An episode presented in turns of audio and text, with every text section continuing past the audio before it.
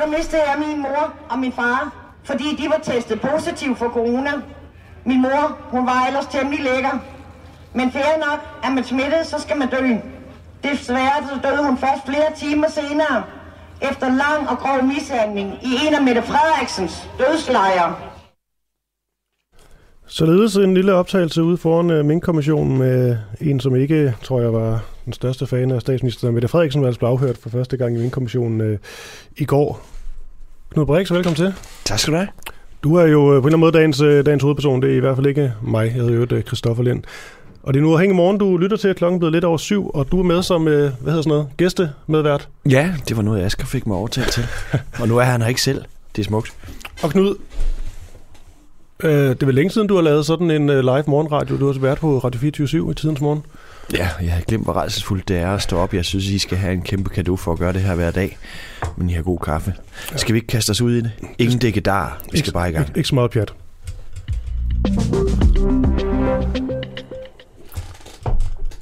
Vi skal starte udsendelsen med at stille direkte om til jeres minkreporter. Har vi, øh, har vi en minkreporter med igennem? Godmorgen. Er dig Hegård? Det er mig, ja. Godmorgen. Det var jo den, sto- det var den store dag i går. Det var den uh, store dag i går, og øhm, som vi nok øh, også starte lidt indslaget med, jamen så er det øh, en dag, der vil blive husket lidt mere for det, der skete uden for kommissionslokalet, end det, der skete inde i kommissionslokalet, selvom det trods alt var landets statsminister, der, der stod øh, bag skranken i går. Ja, jeg forstår, øh, og det kan man jo se alle steder, at det var vildt og voldsomt derude, og ret udansk i sit tilsnit. Men tag os lige med, Christian. Var du selv derude, og hvad skete der? Jeg var selv derude, og jeg var den første, der stod foran Frederiksberg Byret i går klokken 6 om morgenen, og det startede egentlig ganske roligt, da de første demonstranter troppede op. Det var egentlig hyggelig stemning, som Kim Larsen-musik og andet, der, der prægede morgenbilledet. Men eftersom øh, formiddagen ligesom øh, kom øh, troende, og statsministeren ankom, der var det noget af et øh, stemningsskift, øh, der indtrådte. Blandt andet så vi de her banner med øh, Mette bag trammer og så videre. Det gjorde, at formiddagen og starten af frokosttid fik en, øh, en noget anden stemning end den Kim Larsen-musik, der, der startede om morgenen. Men Hegård, øh, jeg går ud fra, at den uafhængige øh, lytter og ser, at de godt øh, kender dig. Jeg skal selvfølgelig bare deklarere, at du er tidligere folketingsmedlem for de radikale. Øh, så røg du i en, øh, i en sag der, og øh, nu er du altså minkreporter for den uafhængige. Du er der allerede klokken 6 om morgenen. Øh, kører du og kører din øh, kørestol op? Altså, øh, hvorfor så tidligt? Du ville bare være den første. Ja. Jamen det er fordi, det er ikke, øh, der er ikke uendelige pladser øh, til de her afhøringer. Jeg har været inde og lytte til stort set alle afhøringerne i den her sag. Jeg følger den, øh, den tæt, fordi det er en øh, øh interessant øh, og principiel sag, øh, der er. Og øh, derfor var afhøringen jo central i går, fordi der er jo mange, der har kommet med de her øh, påstande med Mette Frederiksen skal for rigsretten øh, og den slags. Og derfor var afhøringen juridisk interessant, fordi det var første gang, at hun fik lejlighed til at få øh, flere timer spørgsmål, end mm. dem, hun bare har fået et par minutter i, i pressen anden steds. Og når man så fulgte det her hele dagen, der kommer bylletænger ind, der har jo faktisk i Mink-kommissionen virkelig været gods i det her. Øhm, så var det som om i går, når man sidder og følger med lidt med, at det var, der var sgu ikke rigtig nogen nyheder. Altså var hun bare godt, enormt godt forberedt, eller var det kedeligt, eller øh, hvad var egentlig det mest skældsættende, der skete for Mette Frederiksen? Jamen det man skal huske på, det er, at Mette Frederiksen har nu været øh, den nummer 53. person, der er blevet afhørt i den her sag. Det vil sige, mange af de dokumenter, sms'er osv., som øh, kommissionen bruger i deres afhøringsmateriale, de har ligesom været fremvist, så der er ikke nogen nye dokumenter osv., som har været dem, der har trukket overskrifterne. Derfor var det, som vi fik lejlighed til at høre i går, altså Mette Frederiksens version af det, der skete. Og den stemmer overens med mange af, af, af det, vi tidligere har hørt andre ministre eller departementchefer sige. Så derfor var der ikke nogen nye rygende pistoler eller andet. Men det, som Mette Frederiksen gjorde særligt opmærksom på, det er, at i det her regeringsudvalg, som hedder koordinationsudvalget, hvor regeringens topministre øh, sidder, men hvor Mogens Jensen fik lejlighed til at være gæstebesøgende, fordi der var den her sag om mink jamen der træffer man den her politiske beslutning om, at alle mink skal aflives. Men juridisk set er det så Mogens Jensen, nævnte statsministeren i går, der har ansvaret, fordi det er ham, der træffer beslutningen efterfølgende. Jeg kan godt forstå, hvis der er mange, der sidder med morgenkaffen her nu og tænker, jamen, der er egentlig forskel på en juridisk beslutning og en politisk beslutning, men det er, fordi vi i Danmark har det, der hedder et sektoransvarlighedsprincip, hvor de faglige områder er, er delt op. Mm. Men, øh, men Hegård, enhver, der har fulgt øh, Frederiksens levned, ved jo, at hun kan godt have lidt øh, problemer med at blive irriteret en gang imellem, hvis folk går til hende. Og, og Mink-kommissionen har jo også ligesom haft for vane faktisk at gå til folk, modsat mange andre kommissioner. Øh, hvordan øh, var Mette Frederiksens attitude i retten?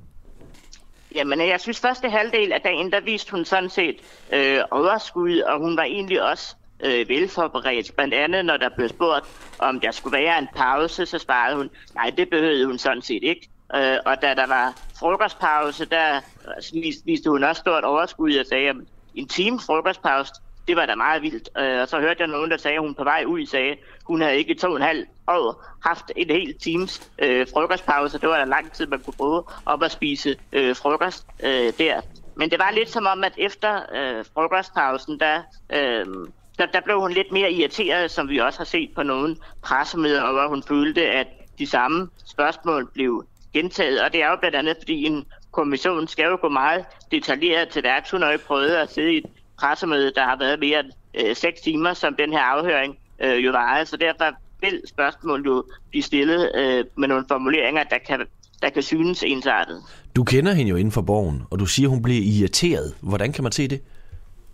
Jamen, det, det, det kan man se på den måde, hvor hun, altså, hun, hun er ikke en, der, der, der stuler, øh, når hun øh, bliver irriteret. Hun sagde meget tydeligt nogle gange, ah, det spørgsmål synes jeg, jeg har svaret på. Ja. Det har I stillet. Øh, det vil jeg ikke svare øh, på igen. Altså sådan nogle øh, svar, som vi indimellem har set på, på pressemøder. Men jeg synes, det er vigtigt at fremhæve, at øh, jeg synes, hun var vel, virkelig velforberedt og viste overskud øh, store dele af, af dagen. Ja. Øh, og det er jo også, fordi det ikke er hende, der nødvendigvis er presset eller har den rygende pistol i, øh, i den her sag. Hvor ved du det fra? Jamen, det er jo, når man ser på de øh, forklaringer og afhøringer, der har været øh, indtil nu, så er der ikke noget, der tyder på, at øh, man kan sige, at de her oplysninger skulle, øh, at, at, at det lige skulle være hende, der sidder med, med, med de afgørende ting. Men så behøver øh, vi da slet ikke en kommission, hvis du ved, at hun ikke øh, har den rygende pistol. Det ved jeg jo ikke bedre. Ja, okay. Og det er jo derfor, at det jo det sidste ende er op til øh, kommissionen at vurdere. Og det, som kommissionen til gengæld også for meget øh, spørgende ind til i går, det er, jamen, hvis I fik alle de her afgørende bilag 6 minutter før tid, hvorfor tog du ikke ansvaret som mødeleder lige sagde, lad os lige få læst de her bilag øh, i løbet af de næste 10-15 minutter. Mm. Øh, så selvom det var en hastelig beslutning, så kunne den nok godt vente 10 minutter, så hun blev øh, spurgt ind til mange af de her ting. Hegård, du er første mand på pletten derude klokken 6 om morgenen, kører du op med kørestolen. Så kommer alle de her Men in Black-typer. Øh, det vidste man jo godt lidt, de ville gøre, nogle af dem. ikke. Der var anmeldt en, øh, en demonstration. Var du bange, da du sidder der øh, og, og kigger på dem? Nej, jeg var ikke, jeg var ikke bange øh, på, på noget som helst øh, tidspunkt. Øh, og særligt det om morgenen, der synes jeg faktisk, der var øh, god stemning, og så kunne jeg se øh, på de sociale medier, hvordan at det ligesom udviklede sig, at det er jo ganske utilstedeligt, at en øh, ministerbil øh, bliver begået mm. herværk på osv. Jeg der... synes også, det er vigtigt, at vi slår koldt vand i blodet og ikke kalder det her amerikanske tilstande endnu, fordi så mange mennesker var der altså heller ikke, der deltog i den her demonstration. Jeg skal bare lige høre kort til sidst, altså der var jo ligesom øh, skriverier om, at nogle af journalisterne nærmest ikke turde gå ud øh, bagefter. Sad du selv og ventede til det hele var slut? Ja, af gode grunde så jeg ventet til øh, det hele var slut, for jeg ville gerne have afhøringerne med. Men det jeg til gengæld også observerede, det var, at der var øh, journalister, der skulle ud og, og lave interviews, live interviews, i pauserne undervejs. Der blev de udsat for ganske mange øh, skældsord og chikane, det øh, lyder der ligesom udviklede sig i løbet af formiddagen. Øh, så jeg har stor respekt for de journalister, der live rapporterede derfra i går. Det var ganske hårde betingelser, de blev udsat for. Men det lyder da trumpsk. Altså du siger, at vi må ikke kalde det her trumpsk, men at journalister, der sådan bliver øh, gået til, at de her men in black, når de skal ud og rapportere, og, og ikke kan få lov til det, det lyder da trumpsk. Det er rigtigt, øh, at det øh, bestemt ikke var en behagelig situation, men det vi også bare skal huske på, det var, at det var ikke fordi, der var mange tusind mennesker. Jeg tror, at der var et sted mellem 2 og, og 300, så det er ikke noget sådan stort tilløbsstykke, der sådan kan øh, forvalte den næste nye øh, præsident eller et eller andet. Øh, men det er klart, at det er noget, vi skal være opmærksom på, og journalister skal ikke udsættes for den slags, og man skal ikke få herværk på sin bil, bare fordi man tropper op til en afhøring ved en kommission. Men Hegård, tusind tak for det. Skal du ud og se uh, Simon Koldrup, uh, som jo skal på skal få det i dag derude, uh, eller hvordan er det? Ja, der er afhænger i, igen i dag, og der kommer jeg selvfølgelig. Glimrende.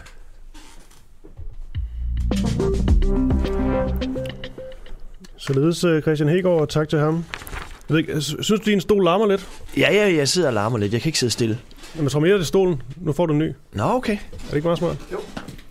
Og øh, imens Knud Brix lige får en, øh, en ny larmefri stol, så, øh, så kan jeg lige om et øjeblik sige, øh, sige godmorgen til Anne-Grethe Felter Rasmussen. Hun er chefredaktør på det medie, der hedder POV International. Og øh, ja, Knud, nu skal det handle om... Hvad står det egentlig for, det der POV? Point, point of view, Point of view. går ud fra. Ja. Nå. Men, øh, men Knud, det skal handle om, øh, om, om Michael Dyrby, og øh, vi dækker også det her, øh, det her i går om, hvorvidt der har været sexisme på, øh, på BT på, på hans vagt. Og det er ikke fordi, det bliver sådan et Michael Dyrby-program, fordi han fylder også alt i medierne lige nu.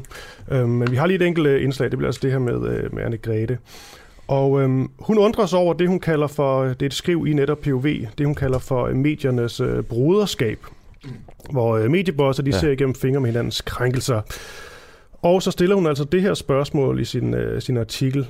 Hvordan kan chefredaktøren være en rollemodel som chef med den opførsel i bagagen, som Dyrbyen nu har erkendt? Og nu vil jeg blandt andet øh, tale med Anne-Grethe selvfølgelig om det, jeg lige sagde her, men også om hvorvidt, altså hvad er det konkret, han har gjort? Mm. Fordi man siger også bare, han har gjort alle mulige ting, men, men hvor meget er det egentlig sådan, øh, sådan mere konkret? Så Jo. øh, Jørgen, nu erkender han, at han er krænker. Men med hvad? Nemlig. Anne-Grethe, godmorgen. Godmorgen. Er, er det overhovedet morgen, der hvor du er lige nu? Oh. Hallo. Ja, kan du høre mig? Øh, jeg kunne ikke høre dig lige før, men jeg kan høre dig nu. Nå, det, det, er- det er jeg glad for at høre. Øh, og jeg er også, det er jeg er også Knud Brix med i studiet, jeg skal lige sige, hvis der sidder en og brummer lidt ved siden af. Men, men Anne-Grethe, jeg skal... Ja. Altså, jeg, det jeg spurgte om, det var, hvorvidt det stadig er morgen, der hvor du sidder lige nu. Øh, ja, det kommer jo an på, hvordan du definerer morgen. Klokken er 10 minutter over et. Om natten. Altså, om, ja, altså herover kalder vi det et om morgenen, men jeg tror, i Danmark Ah. kalder man det nok et om natten. Ja. Okay, det er modtaget. Og lad du kunne være med her. Jeg vil gerne starte, Anne-Grethe, i forhold til Michael Dyrby. Hvad er det egentlig, han... Hvad er det, han har gjort? Øhm, der bliver du nødt til at være lidt mere præcis. Mener du, hvad han har gjort på TV2, eller hvad han har gjort på BT? I forhold til de her, de her sager, hvad er det, Michael Dyrby har, har gjort, som gør, at han øh, burde få øh, sparket? Ja, altså nu har jeg ikke hørt jeres optagt, om I har konkluderet, at han bør få sparket, men altså, jeg vil i hvert fald sige, at hvis man tager hans eget store øh, anger-interview i sin egen koncerns øh, hovedavis i Berlingske, så, øh, så lægger han jo sådan set ikke selv fingrene imellem, når han beskriver sin egen opførsel. Altså han erkender jo, at han som leder har været øh, styrende og i virkeligheden ført an i en kultur, hvor der var sådan en omfattende sexisme, og hvor der blev foretaget helt øh, upassende ting, og han også selv har indgået i det, han så med en sådan lidt underdrivelse kalder upassende relationer. Og jeg har så bemærket mig med flere, og det jeg har hørt andre interviews med ham, at han ikke, han vil ikke sige, ja, jeg har haft sex med underordnet. Øh, så han siger, det kan, det kan man jo selv regne ud, hvad en upassende relation er. Men altså alle de ting, som, det gør det jo klart, at han har været en af hovedpersonerne i øh, den dokumentar, som øh, blev sendt forrige mandag øh, på Discovery+. Plus. Så det har han jo gjort, og der kan man sige, at han jo også endte med at ryge på den konto, eftersom Merete Eldrup, den daværende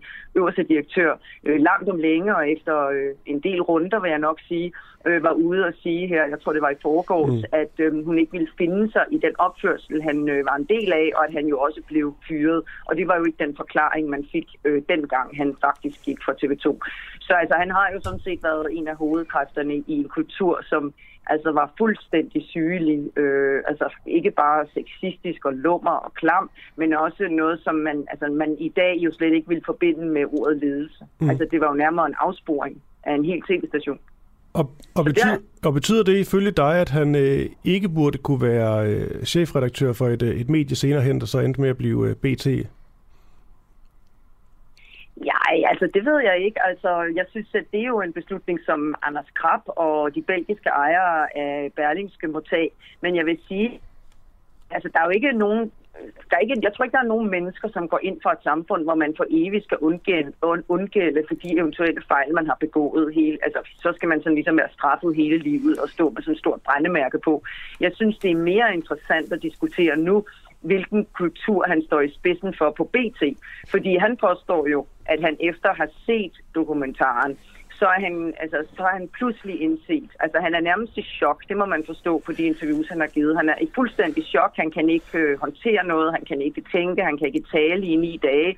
Og så kommer han frem til en erkendelse om, at han har levet en fuldstændig illusion. Og nu forstår han pludselig, hvem han, hvad han egentlig har været, og hvem han så det er sådan den nye Michael Dyrby, kan man sige. Ikke? Det er ham, som, øhm, som er en helt anden person. Og det er jo også det, vi forstår på hans chef, Anders Krab, at han har ligesom taget den her alvorlige samtale med Michael Dyrby om, at intet, som han har gjort tidligere, må nogensinde på BT.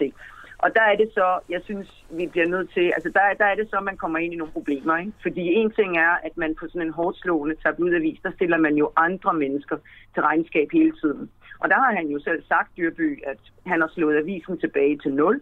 Øh, hans tillidsmand har været ude at sige, at han er i en kæmpe krise i forhold til medarbejderne. Han har også erkendt, at øh, det nok vil klinge lidt hult, og at medarbejderne ikke rigtig kan se ham som forbillede, og ikke, altså de må være forberedt på, at hvis de stiller andre til regnskab, erhvervsledere, politikere, altså så, så vil de blive mødt med dage til at tænke mig om, eller jeg skal lige se, om jeg egentlig vil sige noget, og så videre. Altså der kan man jo så begynde, det er jo Anders Krabs vurdering. Altså mm. er det en chefredaktør, som BT er tjent med?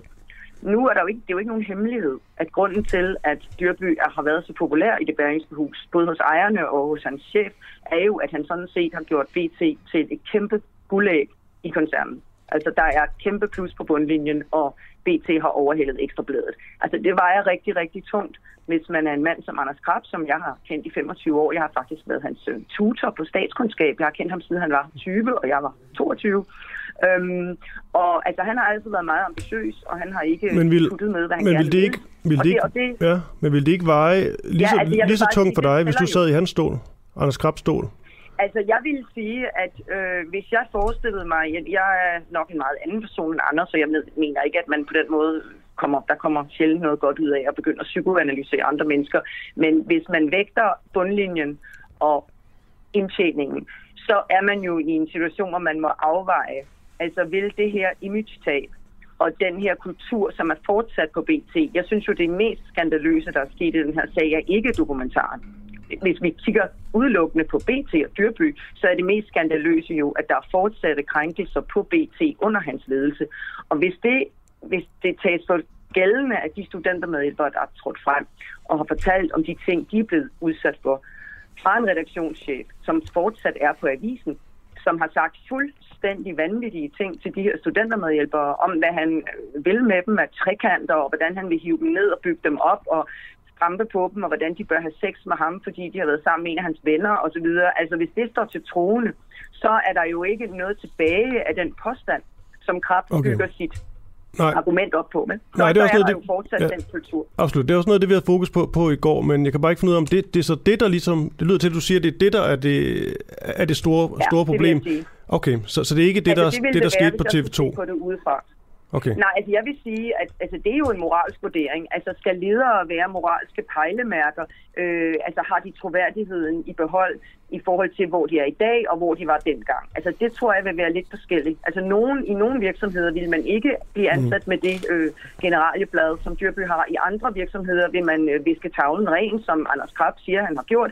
Men så synes jeg bare, at hvis hele forklaringen står og falder med, at man nu er en fuldstændig forvandlet mand, mm. så er det ikke godt, at man beholder en redaktionschef, der udsætter unge piger for så massive krænkelser, øh, altså sexistiske sms'er og tilbud og lummer toner. Og så er der jo endda kommet frem i går, at han også har chikaneret en ung homoseksuel mandlig journalist, som nu også har stillet sig frem.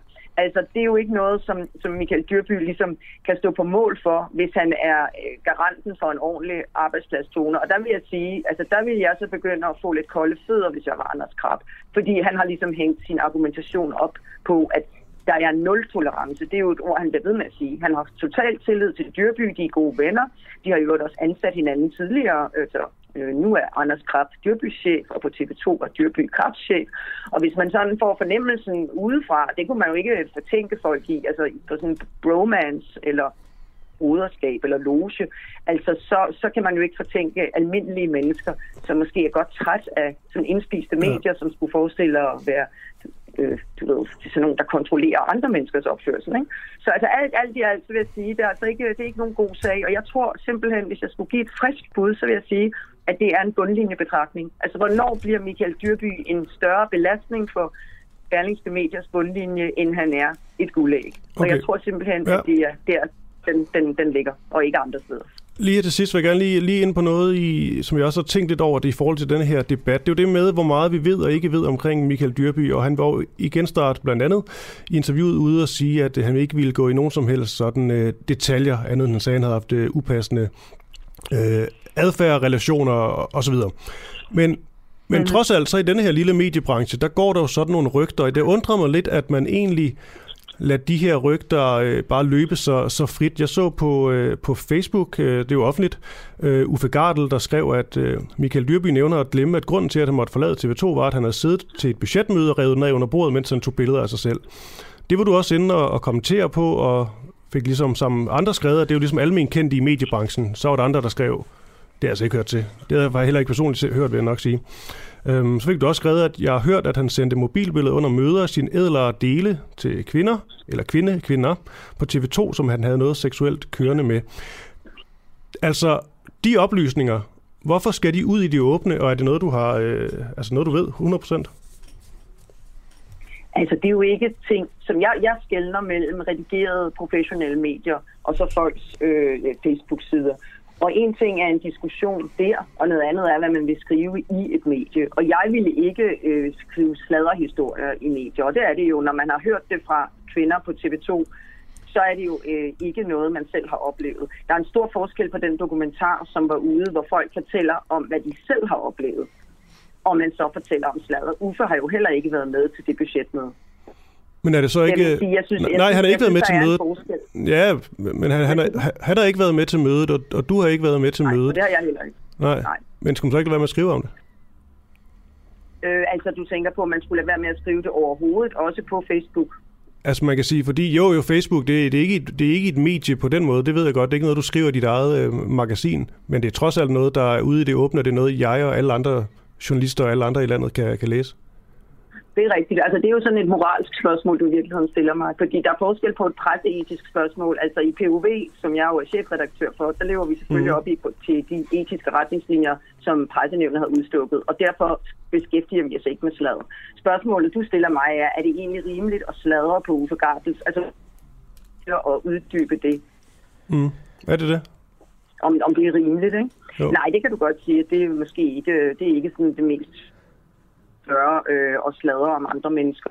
Okay. Hvis man har hørt historien rigtig mange gange fra rigtig mange mennesker, så bliver det jo det, man kalder sådan noget, som alle taler om. Ikke? Og Men, det er jo øh, en et fænomen. Øh, øh, hvad siger du? Det kan også blive kaldt for en vandrehistorie. Ja, det kan det helt sikkert. Og det er også derfor, at jeg ikke vil skrive den i et medie. Okay. Men du vil gerne fortsætte med at skrive den slags på Facebook? Ja, nej, øh, det, jeg tror ikke, at der er særlig mange historier af den slags, man kan skrive på Facebook. Jeg har personligt ikke kendskab til nogen historier, der ligesom slår. Altså jeg vil sige, der har selvfølgelig været fortidige historier, sådan, altså sådan Klaas Kasvær og Hans Engel og den type historier, som har været sådan øh, kæmpe store skandalehistorier. Men egentlig mener jeg, at øh, der er meget få af den slags øh, historier ude i medierne, og jeg mener egentlig også, at, øh, at efter den her diskussion, vi har haft til nu, øh, så vil der forhåbentlig komme meget færre af den slags. Okay. Anne-Grethe Felder Rasmussen. At, at tale om. Ja, chefredaktør på, øh, på POV International. Tak for det. Selv tak. Nå, og Knud Brix, du er jo heldigvis stadig med i studiet. Vi sender frem til klokken 9, klokken blevet 7.24. Og, øh, Hvorfor er det heldigt? Jeg synes, det er dejligt at høre din, øh, din stemme i, øh, i radioen igen. Nå, på den måde. mange, Ja, der- okay, tak. mange, der har savnet. tak. Du kan også lige få lov til, før næste indslag øh, går på, lige sige øh, rigtig godmorgen til, til lytterne derude. Godmorgen til alle den uafhængige lyttere. Vi er jo i, øh, vi er jo fjernsynet. Nå ja. Hej med, hej med jer. Kina? Vi skal til Kina, ja. Og øh, spørgsmålet er jo der. Vi skal have vinter-OL i Kina. Skal vi boykotte det? Kina er jo som bekendt det land i verden, der begår allerflest menneskeret- menneskerettighedskrænkelser. Øhm, og så har vi jo i Danmark det, der hedder Dansk Kina-kritisk Selskab. Men her mener man altså ikke, at vi skal boykotte vinter-OL. Den tager jeg lige igen. Altså, i Kina-kritisk Selskab mener man ikke, at vi skal boykotte vinter-OL. Hvor kritisk er det egentlig? Godmorgen, Thomas Roden. Godmorgen. Du er jo formand for Dansk Kina Kritisk Selskab. Hvor kritisk er I? Øh, jamen, vi er vel den mest kritiske stemme, der findes i Danmark, mm. Kina-området. Og den mest kritiske Kina-stemme i Danmark overhovedet, mener I, at man skal boykotte vinter-OL i Kina? vi går ind for et diplomatisk boykot. Øh, men jeg tror sådan set, der er nogle, altså, også fordele ved, at man har internationale sportsbegivenheder, hvor man kan være sammen. Mm. Men det her er jo en super svær sag. Altså, det er jo ikke, det er jo ikke, altså, øh, det her det er jo ikke særlig let, fordi det er jo nogle, kan man sige, store principper, der er på spil, hvor der på den ene side er noget meget fint i, at man kan mødes, også med de lande, man ikke deler politisk system med, og udføre sport. Nu og på skal den anden side lige... et behov for, at det her det ikke bliver et propagandashow. Og derfor tænker jeg egentlig, at det her diplomatiske boykot, som også amerikanerne har foreslået, kanadierne, at det er den rigtige vej at gå. Ja, fordi der skal vi lige øh, have skæg og snot i en afdeling for sig. Ikke? Det du siger er altså et diplomatisk boykot. Det vil sige, du mener, at Danmark som stat måske øh, skal boykotte, eller skal være en, en diplomatisk boykot øh, hos de forskellige lande.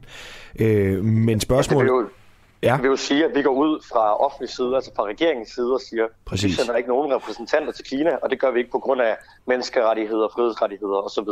Så man ligesom tager afstand til det kinesiske regime. Og så ligger du jo selv op til et smash dunk. Altså, øh, hvis vi, hvis vi øh, som land skal sige, det går simpelthen ikke det her, de, øh, de henretter folk, de, de træder på menneskerettighederne, øh, det mener vi som stat. Hvorfor skal en sportsudøver så tage derud?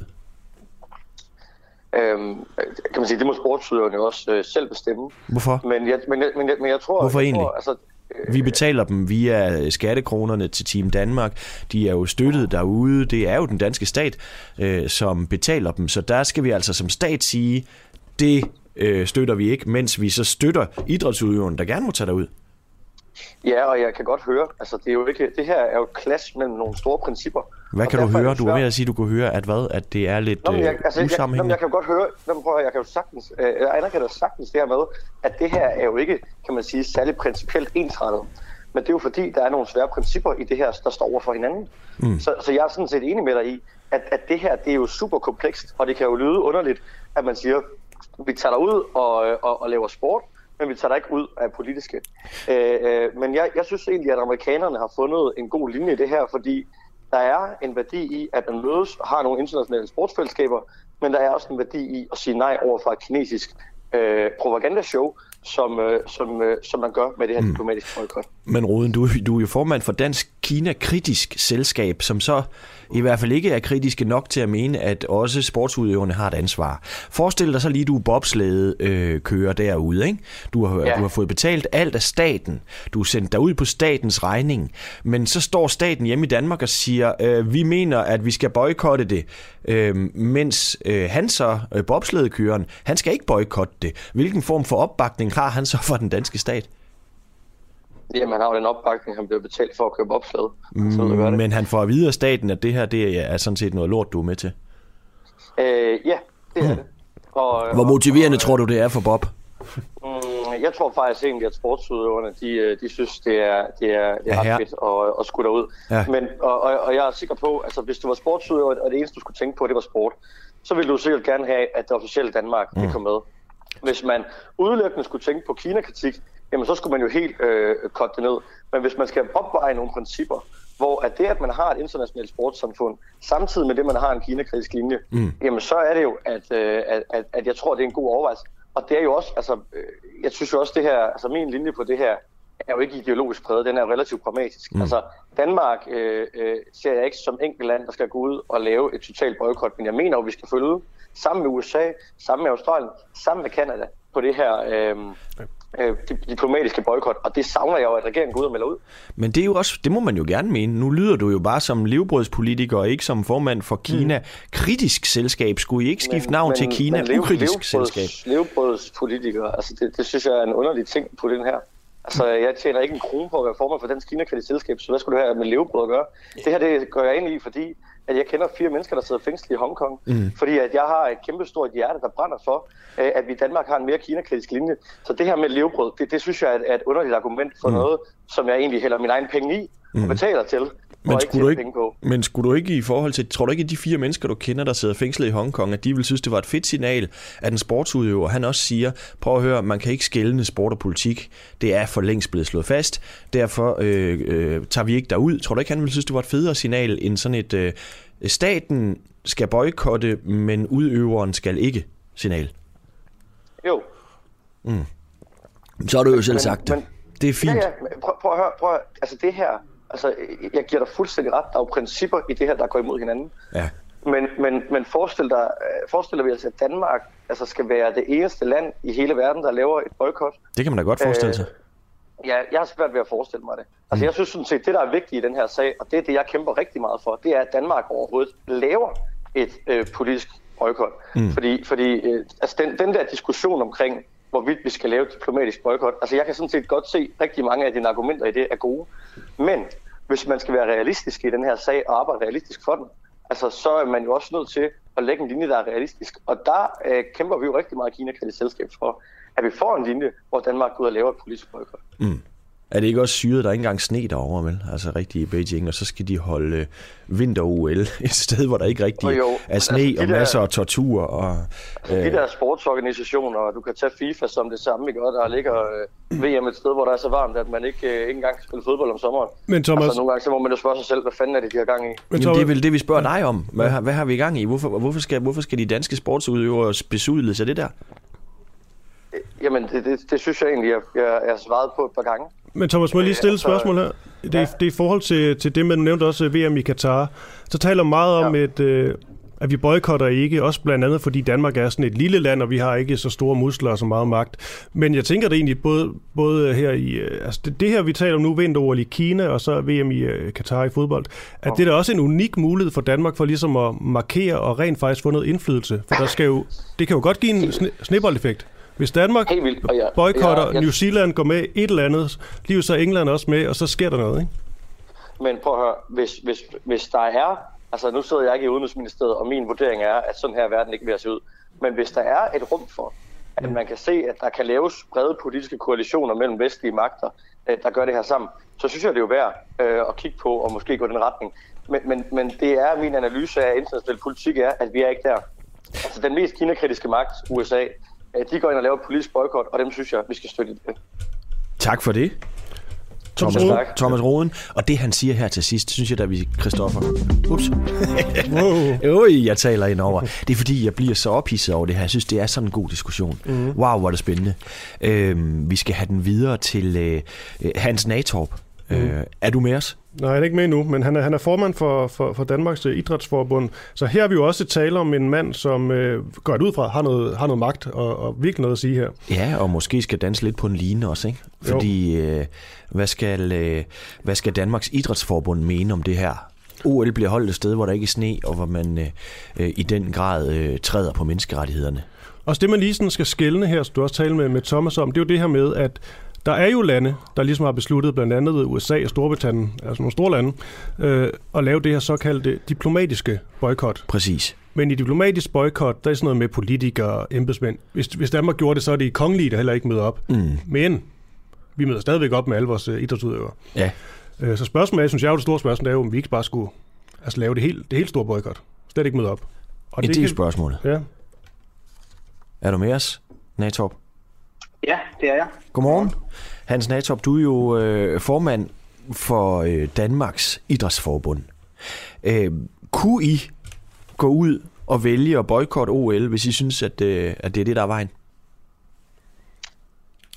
Øh, om vi kunne, ja. øh, det er ikke et spørgsmål, fordi det kommer vi ikke til at gøre.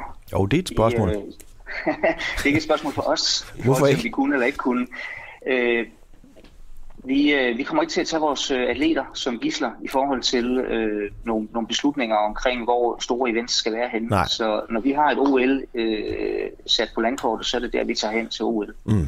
Det er jo sådan en rigtig øh, politikersvar, som, som, som du tydeligvis har indøvet på en eller anden måde. Ikke? Det er jo fair nok, men det jeg vil høre dig om, det er, altså hvis I ville, lad os nu sige, I synes, det var så gralt. Jeg går ikke ud fra, at du vil synes, at, øh, at et nyt øh, OL øh, i Hitler-Tyskland var en god idé i 40, hvis, efter de holdt det i 36, vel? Hvor, hvor, hvor, hvor vi, vi et eller andet sted jo øh, hele Vesten var med, ikke? Det vil du nok ikke synes er en god idé. Så det, jeg vil egentlig høre dig om, det er, kunne I sige nej, hvis I vil? Altså, det er jo Danmarks Olympiske Komité, øh, som, som sender holdet. Mhm. Så, så selvfølgelig kan, kan man som olympisk komité vælge at, at melde sig fuldstændig ud af det fællesskab. Mm. Men jeg Men synes hvad- også, det er vigtigt i den sammenhæng at gå ind og se på, at der er jo flere niveauer i det her. Så, så der, hvor vi taler om vores atleter, der hvor de er fælles om den store sportsbegivenhed, der, der ser vi det simpelthen ikke som noget, der i det hele taget er inde på, på et, et, et, et felt, vi diskuterer, hvorvidt de skal være der eller ej. Har I ikke engang drøftet Øhm. det her på interne møder, om I bør et eller andet sted boykotte det? Om vi bør boykotte Ja, har, I disku- har I diskuteret det på interne møder? Nej, det har vi ikke. Men er det ikke egentlig vildt nok, at I ikke engang tager diskussionen, lige spørger jer selv, sig mig en gang, kan vi støtte det her? Altså den diskussion i forhold til, om vi kan støtte det her, det svarer til, at du flytter Udenrigsministeriet fra Asiatisk Plads ind i Idrættens Hus i Brøndby. Og øh, det er ikke det. Jo, det er det. For hvis vi går ud og siger, at vi deltager ikke i OL, så sætter vi en udenrigspolitisk markering på vegne af hele Danmark. Øhm, og det er ikke vores opgave, det er regeringens opgave at I- gøre det. I er jo en selvstændig organisation. I er jo Det er til at have en holdning til, hvad I jeg- deltager i. Det er, jeg, det er jeg fuldstændig enig med dig i, men der er forbundne kar i det her, og på den måde er vi også en ansvarlig organisation, så det kunne vi aldrig finde på at gøre. Hvilke overtrædelser af menneskerettighederne skulle der til, før I, I vil sige nej tak? Det er en drøftelse, som jeg har sammen med vores øh, udenrigsminister i så fald. Det er ikke, det er ikke, en, det er ikke, en, en, ikke sådan en skala, som vi kan gå ind og sige hertil og ikke længere. Har du diskuteret det her med udenrigsministeren? Vi diskuterer med regeringen, hvordan vi skal håndtere det her, og arbejdsdelingen den er ganske klar. Vi tager os af det sportspolitiske, mm. idrætspolitiske, og regeringen tager sig af det udenrigspolitiske. Men, men, men spørgsmålet der kan jo ikke bare adskilles sådan der, hvor man siger, det må de om. Hvis nu der var masse henrettelser øh, på, øh, på den himmelske fredsplads, vil I så kunne sige ja?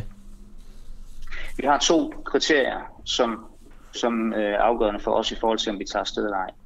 Det ene, det er, om øh, vi som nation laver en total boykot. Altså det vil sige, at vi afbryder handelsmæssige, erhvervsmæssige, kulturelle forbindelser, diplomatiske forbindelser. Så er sporten selvfølgelig en del af det, og så kan vi ikke som sport tage afsted. Den anden del af det er, hvis vi har en uh, sikkerhedsmæssig risiko for vores atleter, så sender vi selvfølgelig ikke atleter afsted. Ingen af delene er tilfældet i, det her, i den her situation. Og øh, derfor sender vi selvfølgelig atleter til OL i Beijing. Nu de store lande, USA, Storbritannien, Australien, New Zealand, Litauen, ikke det største land i øvrigt, men øh, de har jo besluttet at lave en, en såkaldt diplomatisk boykot. Altså det vil jo sige, at øh, politikerne, embedsmændene, de kongelige, hvem der ellers er penge, de holder sig væk, men atleterne deltager stadigvæk. Hvad vil du synes om sådan en løsning, øh, hvis Danmark ligesom øh, lå være med at, at sende øh, alle de fine, og så øh, sende de sportsudøverne, så man boykottede det, og så øh, fra, fra diplomatisk side, og så øh, sendte de øh, sportsudøverne alligevel. Det vil være en, en, en beslutning, som i så fald er truffet af vores, øh, af vores øh, regering. Ja, og den hvad vil du sige til den? Den respekterer jeg selvfølgelig og, og, og bakker op omkring at få det til at fungere. Men en ting er, respekt vil være en god idé. Hvad siger du? En ting er jo, at du siger, at du respekterer det, men vil, vil det være en god idé? Om det vil være en god idé? Ja. Jamen altså, det, er- det, er jo, det, er jo, det er jo vores udenrigsminister og vores regerings opgave at finde ud af, hvordan de vil signalere til Kina. Det vil jeg ikke tage på mine skuldre. Jeg har ikke opgaven på Danmarks vegne med at sætte udenrigspolitiske markeringer. Jeg tager mig af sporten. Øh, og det er jo sådan et klassisk svar, at man øh, kan adskille sport og politik. Men det, men det ved en hver, der beflitter sig med det jo, at det, det er umuligt, det der. Altså man kan jo ikke Ja, bare sige, ja. jeg bor i et diktatur og et skattely, øh, jeg har ikke noget med det her at gøre, øh, jeg vil bare gerne spille badminton, eller hvad det nu man laver. Mm. Øh, altså helt ærligt, er den tid ikke forbi? Den, den tid, den øh, er jo ganske, givet, eller ganske åbenlyst forbi øh, de steder, hvor, hvor vi ser, at sport bliver brugt til sportswashing. Og det er det, vi ser i Kina. Det er også det, vi kommer til at se med, med fodbold-VM i Katar, og, og det sker hele tiden. Hvis vi går ind og bruger vores atleter som en markering på, at det her, det kan vi ikke lide, så er vi fuldstændig samme sted. Så bruger vi også sporten mm. til at markere politiske standpunkter. Og fordi den ene gør det, behøver den anden ikke gøre det. Så vi kommer ikke til at gøre det. Vi kommer ikke til at bruge sporten direkte på mm. field of play, altså ude til OL eller et VM eller et hvilket som helst andet internationalt event, til at sige, kommer vi, kommer vi ikke, fordi der er noget her, vi ikke kan lide. Vi Så selvom man lavede, Men- men- så, men så selvom man lavede en. Ej, jeg må lige høre dig om det her, så selvom man lavede en ny massakre på den himmelske fredsplads, så vil I stadig tage til øh, vinter-OL? Jeg tror, hvis man lavede en ny massakre på den himmelske fredsplads, så ville der være nogle sikkerhedsmæssige spørgsmål, som vi stille, spørg- som vi stille det her i et helt andet karakter. Og, og, og du skal jo ikke tage det her som et udtryk for, hvad vi som individuelle øh, mennesker i idrætten sympatiserer med eller ikke gør. Den her kollektive ansvarspålæggelse på den enkelte atlet, øh, synes jeg faktisk ikke er fair i den sammenhæng her. Den enkelte atlet kan gå ind og, og have sine egne synspunkter på det, og er helt fri til at give udtryk for det, og det er på ingen måde en begrænsning af, hvad den enkelte atlet mener her. Men det, at man som kollektiv bliver pålagt at tage det her ansvar, fordi du synes det, er, er ikke det, det drejer sig om i forhold til sporten. Det er ikke atletens afgørelse, hvor, ting, hvor tingene skal foregå hen. Mm. Det, er ikke en, det er ikke en musiker, der selv kan bestemme, hvor scenen er, vi taler om her. Det er en Nej, atlet, men man kan jo selv bestemme, om man vil møde op og spille, kan man sige. Hans Natorp, tusind, Ja, ja, tak, uh, tusind tak for det. Vi når ikke mere. Du er uh, formand for Danmarks Idrætsforbund. Og tak fordi du stillede op her uh, i, nu, Jamen, selvfølgelig. i Den Uafhængige. Tak for invitationen. Så lidt. Du lytter lige nu til Den Uafhængige. Danmarks måske mest kritiske, nysgerrige og levende radio. Hvis du har en god idé til en historie, så skriv til os på Facebook eller send os en mail. Adressen finder du på hjemmesiden. Hvor, Så ringer han ud nu hvor var det dog rart, at han ikke stillede mig et kritisk spørgsmål den anden vej. Eller til dig, fordi han kunne jo have spurgt det til os i medierne også. Ikke? Skal vi dække det her, Christoffer?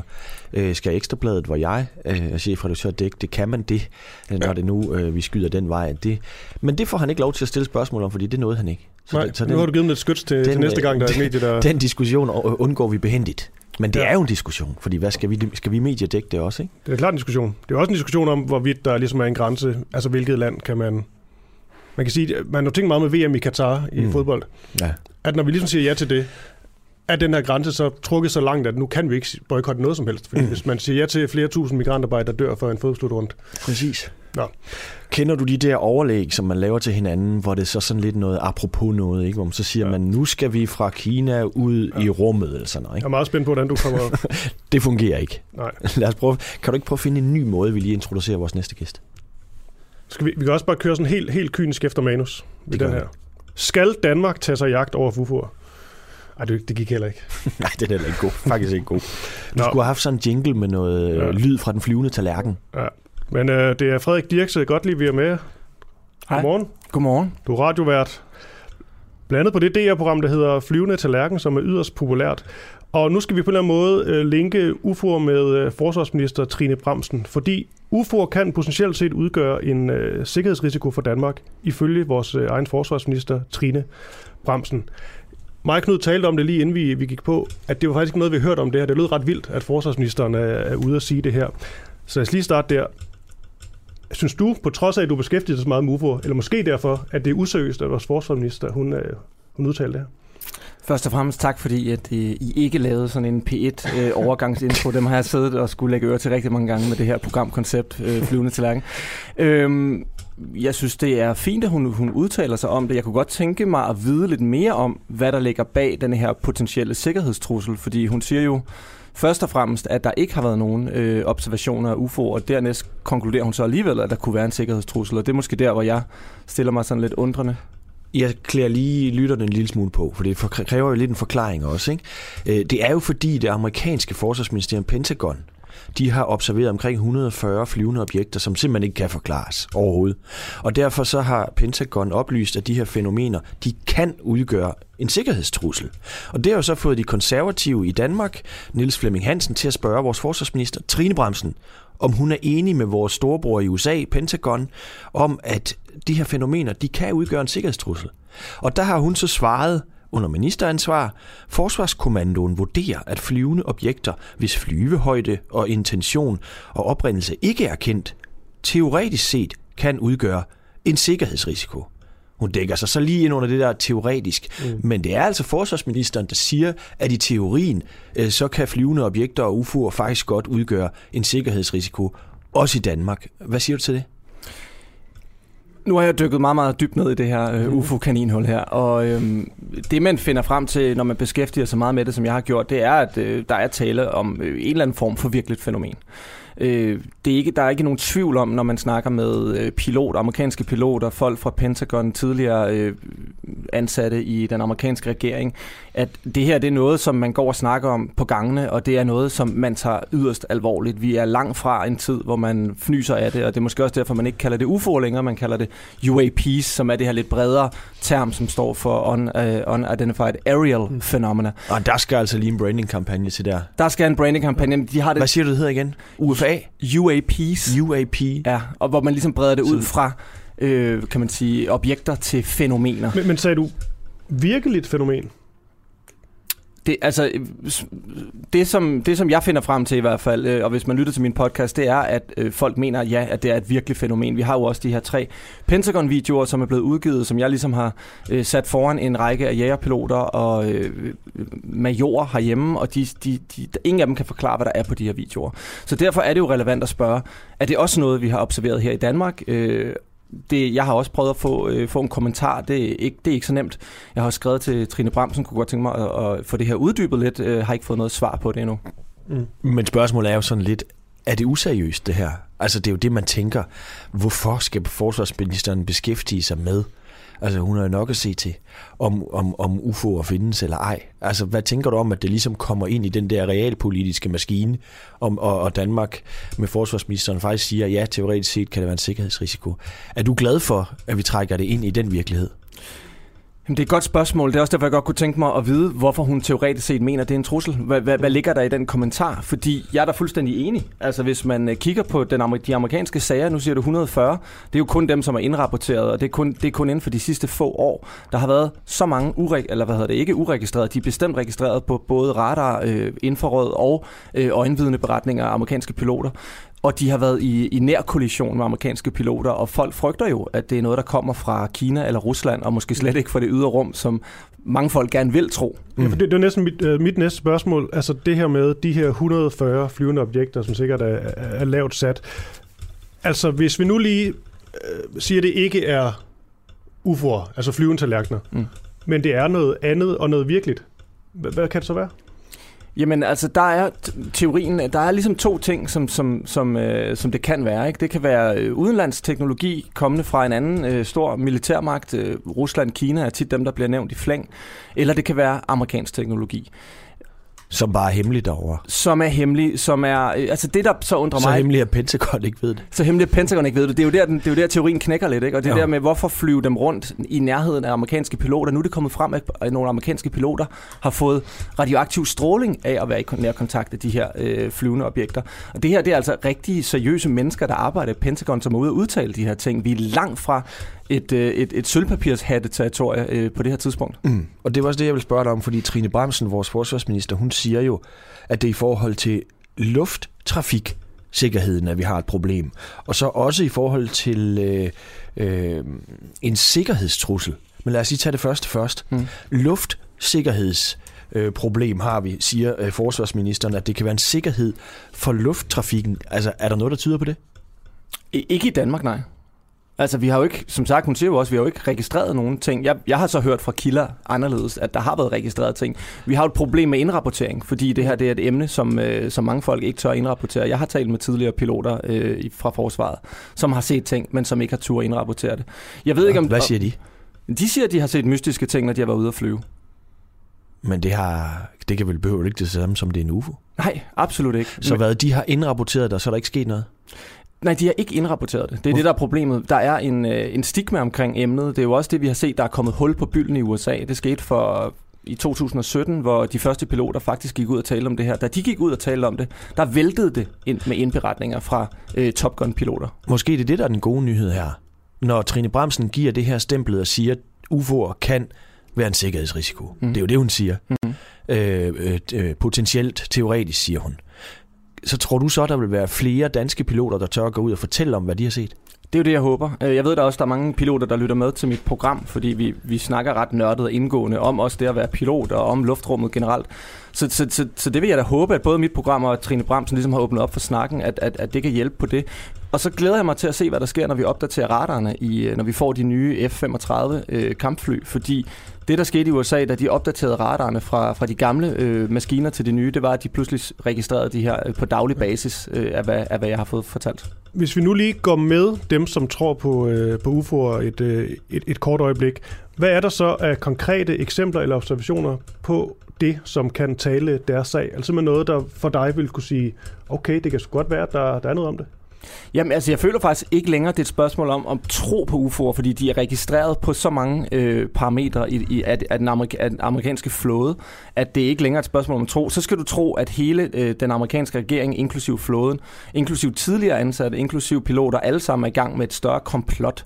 Og det har jeg svært ved at tro på, at, at sandheden så ikke skulle slippe ud på en eller anden måde. Vi taler om, at det her det er registreret, og, og, og, og det er et faktum, og det står i deres rapport, som de udgav i sommer, altså, som blev altså, dækket øh, kraftigt. Så skal man bare forstå, altså UFO'er sådan nogle flyvende tallerkener fra... Jamen, UFO betyder uidentificeret flyvende objekt. Ja, det er rigtigt. Okay, sådan der. Øh, så, så, hvis vi lige tager den der øh, klichéen, mm. den flyvende tallerken fra rummet, Marsmænd, det hele. Det er ikke der, vi er. Nej, nej, absolut ikke. Altså, hvis, hvis vi talte flyvende tallerkener med, med, øh, med, med indmad, som består af små, tynde øh, væsener med store hoveder, så er det klart, så, så er vi ude i et helt andet scenarie. Okay. Men det er klart lige nu, i og med, at ingen eksperter i den amerikanske regering kan forklare, hvad det her er, og vi har altså også Harvard-professorer og andre øh, godt folk indenover, ikke kan forklare, hvad det er. Hvad fanden er det så? Mm. Men øh, Frederik Dirks Gottlieb, du er jo vært på det her program, der hedder Den flyvende tallerken, hvor I, hvor I tager det her seriøst. Mm. Det er ikke noget med til hø, og man fniser af det og sådan noget. I tager det dybt seriøst. Mm. Når vi nu har en dansk forsvarsminister, der har sagt, ja, UFO'er kan være en øh, teoretisk sikkerhedsrisiko for Danmark. Ja. Hvad bør det danske forsvarsministerium i din optik så gøre? De bør gå ud, jeg synes, de bør gå ud og forklare lidt mere indgående, øh, øh, hvad de ved om emnet, for jeg er lidt i tvivl om, hvor opdateret de overhovedet er på det her emne. Det Nå, men jeg mener også sådan, skal vi have et UFO-kontor over i Forsvarsministeriet? Det synes jeg vil være en rigtig god idé. Jeg synes generelt, altså vi ved jo også, at øh, når jeg taler med jægerpiloter, så stikker de ud for at se, for så flyver der pludselig russere rundt over Østersøen og det ene og det andet. Vi, vi tager jo ud og undersøger øh, ting, vi ikke lige umiddelbart ved, hvad er, og folk, som ikke bør være i vores luftrum. Når vi nu har en allieret, som, som øh, melder ud, at de har mystiske ting flyvende i deres luftrum, som de ikke kan forklare, som potentielt kan komme fra, øh, fra fjender eller andre steder, så synes jeg da bestemt også, at man her i Danmark som allieret øh, skal kigge på det, og det kommer også formentlig til at ske, fordi de er jo i gang med at få en, øh, få en øh, afgørelse igennem øh, endnu en af de her Unauthorization Acts, som øh, præsidenten skal skrive under på. Det var det, der skete i, øh, for et år siden, hvor Donald Trump skrev under på, at den her rapport skulle laves. Nu er de i gang med at få igennem, at der skal åbnes et helt kontor i, uh, i uh, Department of Defense, som skal sidde og undersøge det her. Der taler vi altså ikke længere bare en mm. håndfuld af passionerede mennesker, så taler vi et helt kontor fuld af, ja, hvad ved jeg, dusinvis af ansatte. Og det betyder internationalt samarbejde med allierede. Det vil betyde et internationalt samarbejde med Danmark. Og uh, vi har jo en stor, flot FN-bygning uh, liggende nede i Nordhavn. Det kunne da godt være, at man kunne indrette et lille kontor der. Hvad skulle det hedde? Mm, flyvende tallerken task force, kunne man kalde det. Alright. Tusind tak, Frederik Dirks. Godt liv. Ja. Jeg har måske lige sidste spørgsmål. Ja, kom med det. Nej, det er bare i forhold til, til det her med USA og Pentagon og, og, og UFO. Det er fordi herhjemme er vi jo ret gode til at sige, jo jo, det kan godt være, der er nogle øh, objekter derude, som vi ikke lige kan sætte, sætte navn på, eller vide, hvad det er.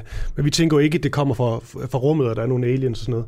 Men i USA er de mere åbne for den snak, at det, det nok kan komme helt op fra.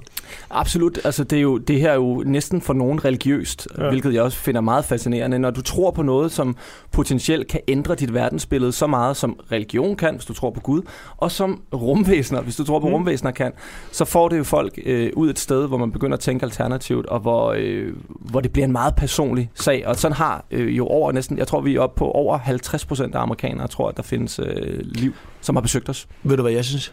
Nej. Jeg synes, vi skal spørge Per Stig Møller om det. Fordi han skal på senere. Han har jo været udenrigsminister. Han har, kender dem alle sammen i USA. Han kender Pentagon ind og ud. Øh, har han nogensinde hørt om det her? Jeg ved godt, vi skal spørge ham om noget andet, men kunne vi ikke lige prøve at huske at få den med ind? Slutspørgsmål, jeg noterer det her. Må, må, jeg, må jeg komme med en kommentar til det? Så ja, husk, husk at spørge ham på en måde, hvor han ikke bare kan, kan grine det af. Fordi det, det, er jo, det er jo, hvis ja. der er noget, man ikke gider tale om, og emnet i forvejen har en vis, øh, kan man sige, øh, his, historik med at blive grint af, så er det en nem måde at gøre det på. Så jeg tænker, man er simpelthen nødt til at fremlægge ham øh, resultaterne fra den her rapport, fordi den kan man ikke rigtig øh, ikke vil snakke om. Det er aftalt og modtaget. Tak for det. Og den hedder altså Flyven til Lærken, øh, det program, du laver. Hej.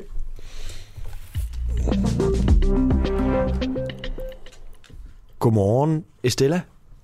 Godmorgen. Du er sexarbejder. Jeg er tidligere sexarbejder. Ja, og så du talskvinde for øh, sexarbejdernes interesseorganisation.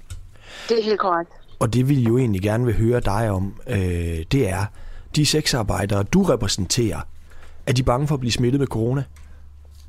Jamen, sexarbejdere er jo vidt forskellige, ligesom alle andre erhverv, så der er sikkert nogen, der er bange for at blive smittet med corona, og så er der nogen, der ikke er. Øh, der er også en masse, der er blevet vaccineret, og der er også sikkert også nogen, der ikke er. Så øh, det er jo ikke en, en homogen gruppe, de er jo meget, meget forskellige. Når vi ringer til dig som tidligere sexarbejder og nu talskvinde for sexarbejdernes interesseorganisation, så er det jo fordi, at sundhedspersonalet bliver ofte fremhævet som ligesom det erhverv, øh, der er forbundet med særlig stor smitterisiko på grund af den tætte kontakt med patienter. Ja. Øh, knap så ofte, så bliver der jo rettet blikket mod sexindustrien, hvor sexarbejdere jo dagligt har fysisk kontakt med deres kunder. Ved du, om dem, du repræsenterer, tjekker de kundernes coronapas? Jeg ved, at øh, der er utrolig mange, der tjekker coronapas, men det er jo ikke en garanti for, at alle gør det. Så øh, det kan jeg ikke garantere for, men jeg ved, at der er rigtig mange sexarbejdere, der gør det, ja. Mm. Men altså, den her situation, nu skal øh, tingene begynde at blive lukket ned rundt omkring. Prøv lige at tage os med, altså hvad, hvad, hvordan skulle det egentlig foregå det her, øh, hvis man er sexarbejder og ligesom skal sørge for øh, at holde styr på, på coronareglerne? Jamen altså, sexarbejderne følger jo de anvisninger, som myndighederne har givet på lige fod øh, med andre liberale erhverv. Og øh, vores statsminister har været ude og sige, at det er jo nattelivet og festlivet lige nu, der skal øh, lukke ned. Det er hverken liberale erhverv, øh, massage eller, øh, eller intimmassage eller frisør, som det tidligere har været. Så sexarbejderne følger jo, kan man sige, de myndighedsanbefalinger, der er. Og vores statsminister var jo ude og sige, at det også er vigtigt, at øh, resten af Danmark fortsætter de mindre, og det, både det private og det øh, offentlige erhverv fortsætter og holder hjulene i gang, så det gør sexarbejderne jo naturligvis også. Mm. Men, men altså, øh, hvis man siger så, okay, mand kommer ind, eller kvinde kommer ind på et bordel, øh, der bliver spurgt om coronapas, hvilke andre restriktioner skal man så, altså fordi det er jo en speciel situation det her, hvilke andre restriktioner skal sexarbejderen øh, selvfølgelig? Men altså, det, ja, vi har ikke nogen restriktioner, og vi, sexarbejderne, vi opfordrer sexarbejderne til at følge de restriktioner, der er udstedt af myndighederne. Så det vil sige, at der øh, skal være ligesom... håndsprit på bordellet? Ja. Mm. Og mundbind under samleje? Det er der ikke nogen restriktioner om, ligesom der heller ikke restriktioner om på nuværende tidspunkt, at man skal bære mundbind øh, under massage eller andet. Statsministeren har jo opfordret til, at dem, der øh, kan, arbejder hjemmefra og ja. begrænser fysisk kontakt. Er det muligt, hvis man er sexarbejder? For nogen er det muligt, øh, og for nogen er det ikke muligt. Hvordan det? Jamen det er jo, sexarbejde er utrolig forskelligt. Der er jo også nogen, der kan arbejde hjemmefra.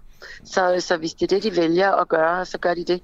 Men altså, øh, som jeg siger, sexarbejderne følger jo bare øh, de øh, myndigheds... Øh, anbefalinger, der ja. er. Og, og hvis statsministeren siger, at man skal helst undgå fysisk kontakt, hvad gør man så som sexarbejder? Jamen altså, for nogle sexarbejdere, der er fysisk kontakt i nødvendighed, og for andre er det ikke. Øh, det vurderer sexarbejderne selv.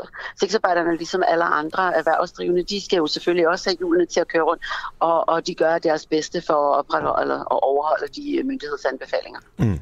På et bordel i det centrale Randers, der fandt politiet i april måned en kunde, som ikke havde et gyldigt coronapas, og det udløste en bøde på 3.000 kroner øh, til bordelkunden, øh, undskyld, til den polske kvinde, øh, som havde leveret øh, en seksuel ydelse til manden. Mm. Altså øh, kvinden bliver straffet, øh, sexarbejderen bliver straffet, fordi at den kunde, hun har, ikke har et coronapas. Hvad synes du om det? Jamen, øh, jeg ved ikke, hvad jeg synes om det. Altså, selvfølgelig skal sexarbejderne følge de øh, øh anbefalinger, der er. Øh, og, og, og de, altså de regler, der er øh, gældende, ligesom alle andre liberale erhverv. Mm, dem du taler med, øh, som, som du repræsenterer jo sexarbejderne øh, via interesseorganisationen, er, er de mere ja. smittede end, øh, end alle mulige andre erhverv? Nej, det er der ikke noget, der tyder på. Hvordan kan det være? Det ved jeg ikke. Det kan jeg ikke gisne om. Jeg er ikke øh, øh, ekspert Nej. i vira eller andet, så, så det vil jeg slet ikke gisne om. Det er også fair nok, men man helt ærlig, man tænker jo bare, at hvis man er sexarbejder, så har du noget mere fysisk kontakt øh, med kunderne, end, end, end hvis du står i Matas, ikke? Øhm... Jo, men jeg som ergoterapeut har også utrolig meget fysisk kontakt med mine kunder, så ja. jeg synes ikke, der gør nogen forskel. Nej, okay. Så det du hører er, at der er ikke flere coronasmittede blandt øh, øh sexarbejderne? Nej, det hører jeg ikke. Jeg, der er ikke flere coronasmittede blandt sexarbejdere. Er det noget, du ved, eller er det sådan bygget på, på, på hvad du hører? Nej, det, altså, jeg taler jo selvfølgelig med sexarbejderne. Jeg har stor kontakt og stor flade til sexarbejderne. Der og jeg har ikke hørt, at sexarbejderne skulle være mere smittet eller mere ramt. Der bl- men bliver der lavet statistik over det? Nej, det gør der ikke. Nej. Okay. Øhm, jamen, øh, jeg kigger lige over på Christoffer. Er der mere, du gerne vil vide?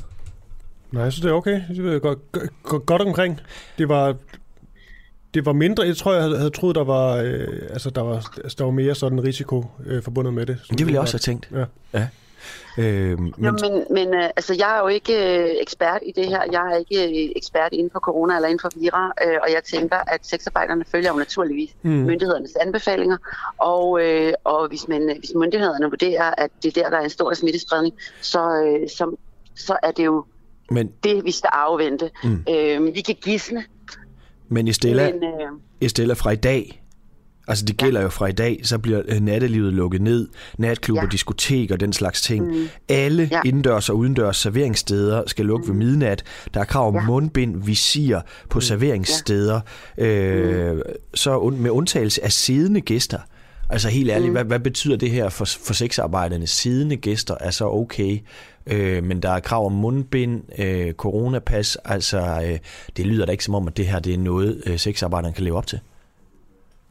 Jamen sexarbejderne er ikke beværtninger, der skænker alkohol eller har store mængder af mennesker med fester. Så, så det kan jeg slet ikke se en sammenligning af. Det er sammenligning de, de, de, de er undtaget det her, mener du, fordi de ikke serverer alkohol? Nej, jeg mener ikke, de er undtaget det her. De er fuldstændig ligesom alt andet liberalt erhverv. Til synligheden ikke en større risiko for den spredning, der nu øh, er i Danmark. Lige på lige fod med frisører, massører og andre liberale erhverv. Glimmerne. Tusind tak, Estella. Selv tak. Fortsat god morgen. Tak.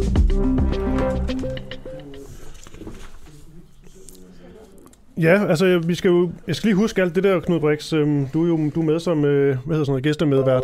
Ja. Og øh, stor fornøjelse. Dejligt at have dig med, Knud. Og øhm, her på Den Uafhængige, der, der skal vi jo også øh, lige lave lidt øh, reklame, fordi vi er jo vi får ikke penge fra staten. Det får du ikke mig til. Nej, nej, det, det gør jeg. Altså, vi er jo, vi er jo nærmest, vi er jo nærmest konkurrerende virksomhed. Jeg er her egentlig mest for at se, om vi har nogle dygtige medarbejdere, vi kan stjæle. Ja, du er jo chefredaktør på Ekstrabladet nu. Ja. Nå, men øhm, det er bare lige for en god ordens skyld. For det første og fremmest, så hvis man lige vil være lidt med på sms'en her i anden time, så sms øh, til 1245, skriv duer mellemrum din besked. Altså 1245, duer mellemrum din besked. Nu har vi kørt i en time, og vi har ikke kigget på, hvad folk har skrevet. Det, altså, eller det sidder du og gør, men har det, der ikke det, været det, noget spændende? Jo, men det er, også, det er fordi, jeg sidder... Det er fordi, jeg, nu sidder jeg bare og lader dig tale. Jeg skal også uh, kigge Jeg kan ikke med. se, hvad de skriver derude. Nej, det er faktisk nok. Prøv lige at tage mig med ind. Altså, hvad siger folk til det, vi laver? Er der noget? Jamen, vi kan godt bede om folk lige at, lige at skrive ind, om de synes, det er dejligt at høre uh, Knud Brix tilbage, eller, eller det modsatte. det, det var ikke, så navlepillende var det ikke ment. Det er mere sådan, øh, vi sidder jo bare og sender ud i et tomrum. Det er jo fedt, at folk er med på den. Der er faktisk en her, der hedder Rasmus Hode, der skrev i forhold til denne her historie om, hvorvidt vi skal øh, boykotte OL i Kina. Ja. Hvis man har kæmpet fire år for at komme til OL, så er det jo dybt unfair, at man bliver tvunget til ikke at deltage, fordi verdens politikere ikke kan enes. Og det er også meget klassisk standpunkt, det her. Mm. Altså, altså, det, det er jo det der, for... ja, det er, at atleterne er offerne. Ja, så er der også en, øh, nu er den jo skrevet ud på, det på Facebook, hvor man jo også skal følge med og kommentere. Øhm, det var i forhold til øh, allerførste indslag med Christian Hegård. Ja. Sexkrænker som politisk kommentator, det skal nu hænge i den oplevet populær i. Ja. Ja. Det var jo også det, jeg, jeg var nødt til at varedeklarere ham der, ikke? Øh, det er da også øh, på en måde interessant, at I har Hegård som, øh, som øh, ekspert. Sådan det. Og så øvrigt, skal jeg lige sige... øh, Så lukkede du den ned. Ja, det er godt. Alright. Men vi skal ringe øh, Hans-Jørgen Bonniksen op. Ja, det er en vild sag. Det er det. Hold det op. Vil, altså... vil, du, vil du prøve at give sagen sådan helt ultrakort, og så ringer jeg øh, øh, Hans-Jørgen Bonniksen op? Jamen, det, kan, det kan jeg ikke. Nej. Fordi der er ingen, der ved noget om den her sag. Nej, det er også det. Altså, det er jo det, der er så vanvittigt. Det her er jo historisk på mange måder, fordi der torsdag bliver anholdt fire nuværende og tidligere medarbejdere i efterretningstjenesten, altså både PET og i FE.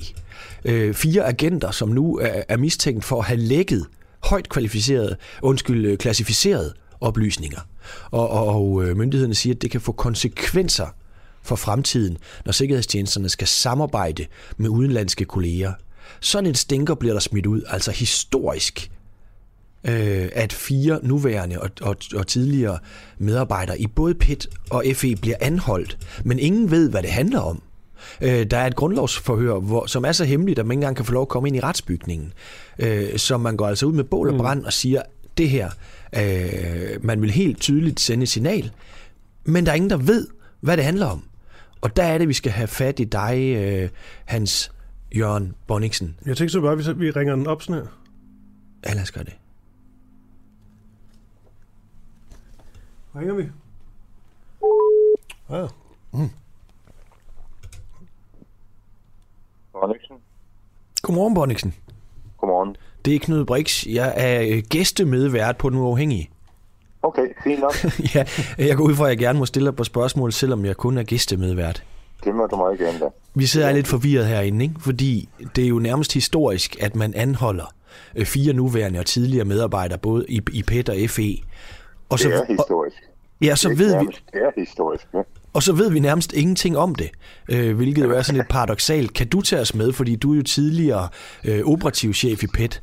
Altså, hvad Jeg ved... vil, prøve, jeg vil prøve på det, men, men jeg må nok erkende, at øh, jeg giver dig fuldstændig ret. Når jeg læser pressemeddelelsen, så skaber det mere mystik, end den skaber oplysning. Ikke? Det, Om det er godt, vi er enige der, men hvad ved vi så reelt om sagen?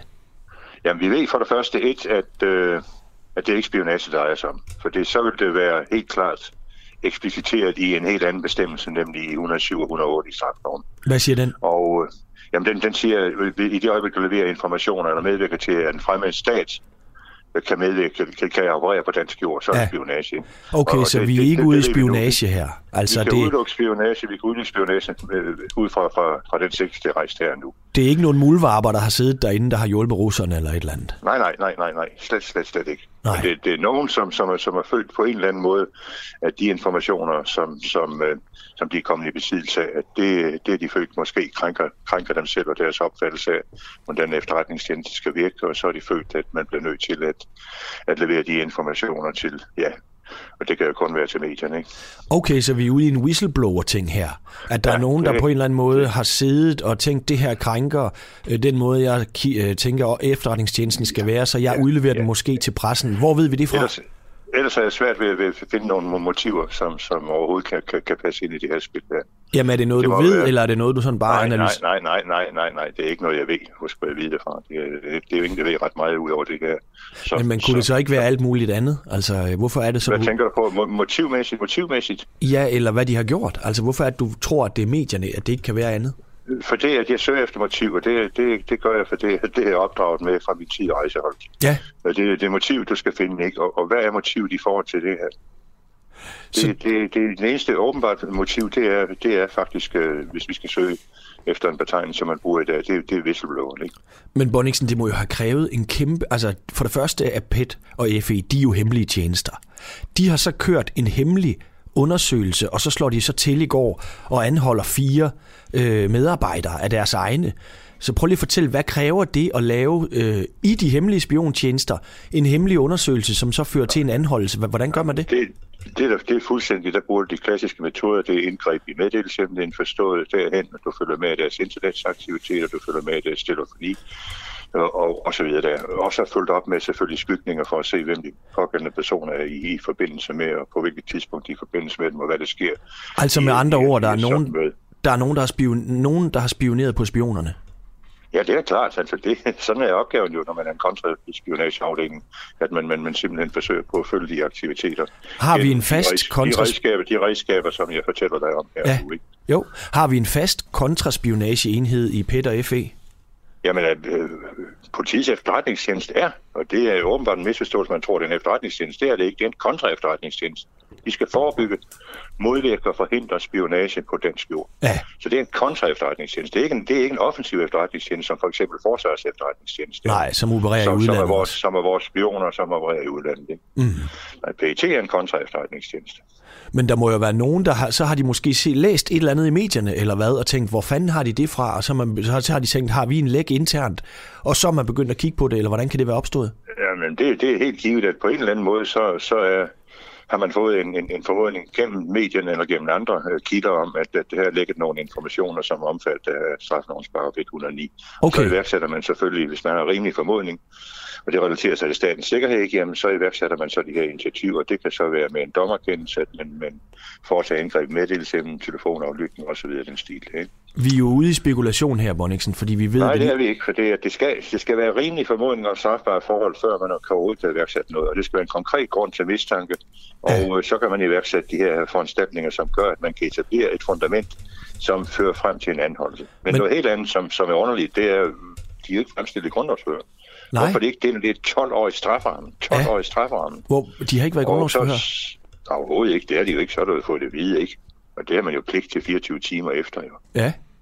Og hvad siger det dig?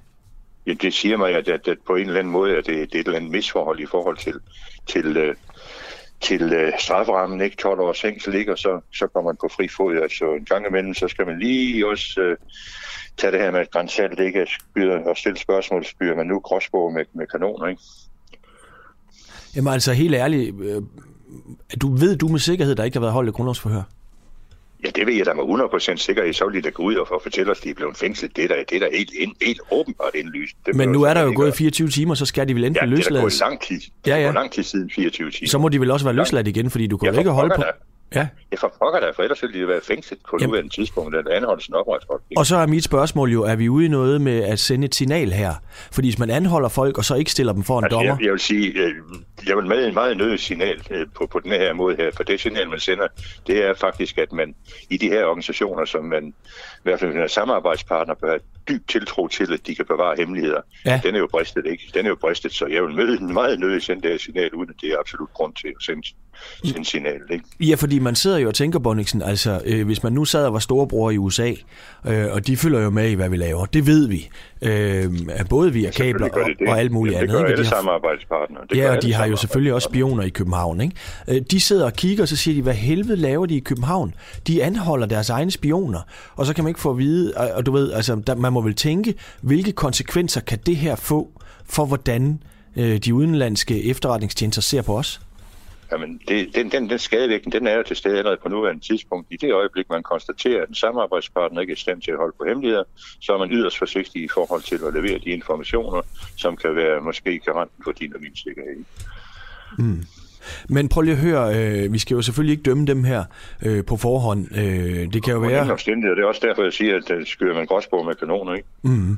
Øh, men, men det jeg gerne vil høre dig om, det er, altså hvilke sager har der været i medierne, hvor du som tidligere operativ chef har lettet på brynene og sagt, wow, der, kom, er der vist øh, vores tjeneste, den er ut- utæt som en si. Øh, altså for det er jo lidt Jamen, det, det, må jeg, det må jeg kende, at det har jeg ikke stødt på. Det har jeg faktisk ikke. Så du har ikke set nogen eksempler, Nej, hvor, hvor man tænker, det, har jeg, det, det der har er jeg ligget der? faktisk ikke. Det har jeg faktisk ikke. Nej. Det må jeg kende. Nej, det har jeg ikke. Altså, de- der er jo for eksempel Samsam-sagen om en måske, måske ikke øh, PET-agent, som har været fængslet i Spanien. Der har der været ting fremme i Berlingske. Ja, det er fuldstændig, fuldstændig korrekt, men øh, der, der man nok erkende, der er der været forsvar på, at det har været en straffelovssag. Det har jo ikke været noget, som er ukendt i det. Det er en åben straffesag, Mm. med, med, med, med, med fængsling og så videre. Ikke? Jo, så er der, så er der sagen om, om Jens... Over, Om over, forsvaren, over forsvaren, over forsvaren. Der har jeg også været ude og udtale sig i den anledning, indtil flere gange. Jo.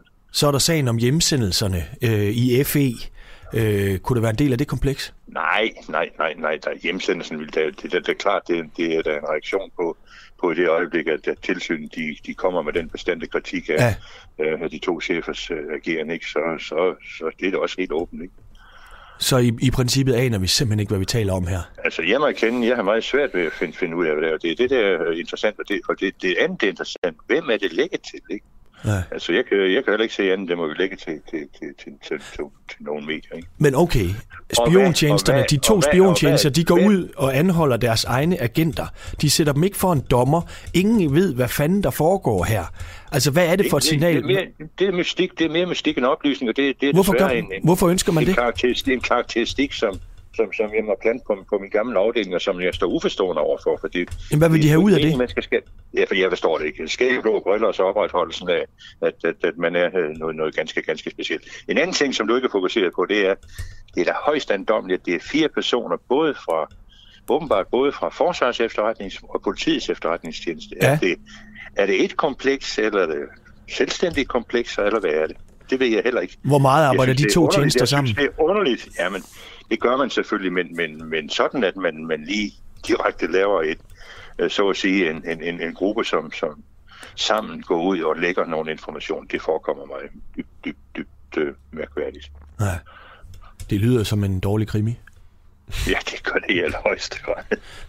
det, det må jeg nok erkende. Men Bonniksen, er der ikke også et element af, at du er sådan en, vi ringer til, når der er sager, hvor man ikke rigtig ved noget, og det er jo egentlig længe siden, du har været der. Kunne det ikke også være bare, at din viden er forældet? Nej, hold nu op. Det findes jo ikke noget, som er så traditionelt som, som spionagen, og som har eksisteret faktisk. Det er verdens næstældste erhverv, og det er nøjagtigt de samme metoder, man har brugt fra tidernes morgen til dags dato. Med undtagelse af en ting, og det er informationsteknologi. Ja. Ellers er der sgu ingen ændringer der. Jeg har nøjagtigt den samme viden som, som nogle af vores politiske kommentatorer, som har været minister for, for, for 20 år siden. Jeg følger med, og det gør de også. Så, så, så jeg er på samme niveau som han, Hans Engel er i forhold til politik, som jeg er i forhold til efterretningsvæsen. Og så stiller du de spørgsmål, der skal stilles, og øh, det skal du have tak for. Hans Jørgen Bonniksen, tidligere operativ chef for PET. Tak skal du have. Velkommen. Så fik vi lige klar tale her til sidst, øh, Knud, da du spurgte, om hans øh, viden muligvis var forældet.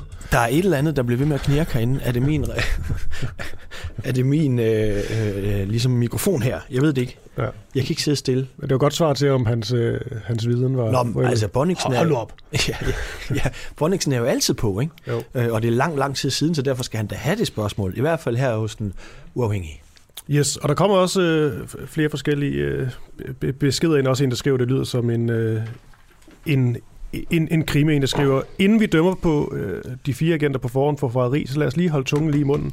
Sæt, at gerningerne er sammenlignelige med Snowden-sagaen, og staten forsøger at dække over egne sager, så er de fire agenter jo helte i min betragtning. Det er Mark Fisker, der skriver det. Vi ved det ikke. Nej, vi ved ikke en skid. Øhm, så er der også øh, en masse ros til dig, Knud, men det ved jeg, det kan du næsten ikke overskue at høre. Kan Det kan jeg ikke tåle. Nej. øhm, der er dog også en her, der er meget god. Dejligt at høre Knud Brix i radioen, og hvor dejligt, at han går jer i bedene i forhold til Christian Hegårds ansættelse. At Christoffer, det er mig, lukker Knud ned for at kun til at virke endnu mere problematisk. det, jeg ved ikke, jeg ved ikke, hvad jeg skulle sige. I er kritiske lyttere, det er dejligt. Ja. Ja, men prøv lige at høre. Stil nogle meget spørgsmål. Lad os gå videre. Vi skal videre til, øh, til noget andet, som jo er et eller andet sted, vi har beskæftiget os meget med det på Ekstrabladet også. Vi har en kæmpe krimredaktion. Altså, de skyder i de københavnske gader, mm. som man jo næsten ikke kan nå at følge med. Lige nu så udspiller sig jo det, som politiet kalder ekstraordinær, voldsom bandekonflikt mm. i København. Der har været fire skudepisoder alene i december, hvor tre mænd er blevet dræbt, fem er blevet såret. Mm. Godmorgen, René Dahl Andersen. Godmorgen, Knud. Du er jo tidligere strømmer. Øh, du har været øh, narkobetjent ved Københavns politi igennem 20 år. Du skal ikke fortælle os, fordi det er jeg heller ikke sikker på, at der er nogen, der egentlig ved, hvorfor de skyder på hinanden. Men det jeg gerne vil vide, det er altså, hvordan fanden kan de få alle de her våben? Hvor kommer de fra? Altså, øh, vi kan konstatere, at de skyder på hinanden. Jeg er selv jæger. Jeg ved, hvor sindssygt svært det er at have våbentilladelser, og øh, det hele er kontrolleret det her i en grad, som man tror, det er løgn. Og alligevel, så kan de rende rundt med håndvåben, som om man kunne købe dem i BR. Nu sætter jeg lidt på spidsen her, ikke? Øh, men René, du har jo været øh, betjent ved Københavns politi gennem 20 år, og du ved meget omkring de her våben. Og, og det, jeg gerne vil høre dig om, René, det er, hvor kommer de våben fra, som bliver brugt i de her bandekonflikter? Jamen, det kan godt være, at du ikke kan gå ned i en øh, uh, BR, Knud, men uh, dengang jeg var betjent, der var der blandt andet en øh, uh, stød- og skældbutik nede på Gammeltorv, hvor det var sådan, at der blev solgt våben fra. Han var gammel våbenhandler, ham der havde den. Og der tog man, øh, tog vi 15 revolver og tre maskinpistoler, blandt andet en AK-47, under den efterforskning. Det viser jo bare, at hvis der er sådan der er en efterspørgsel, så er der et marked. Jeg stopper dig lige, René. Spørg og skæmt. Jeg stopper dig lige. En spøg og skæmt butik, hvorhen? Nede på Gammeltorv, 100 meter fra Københavns Byret. 100 meter fra byretten, der ligger en spøg og skæmt. Der, der konfiskerede I altså AK-47 maskinpistoler. Og, og så er spørgsmålet jo igen, hvor kommer de fra?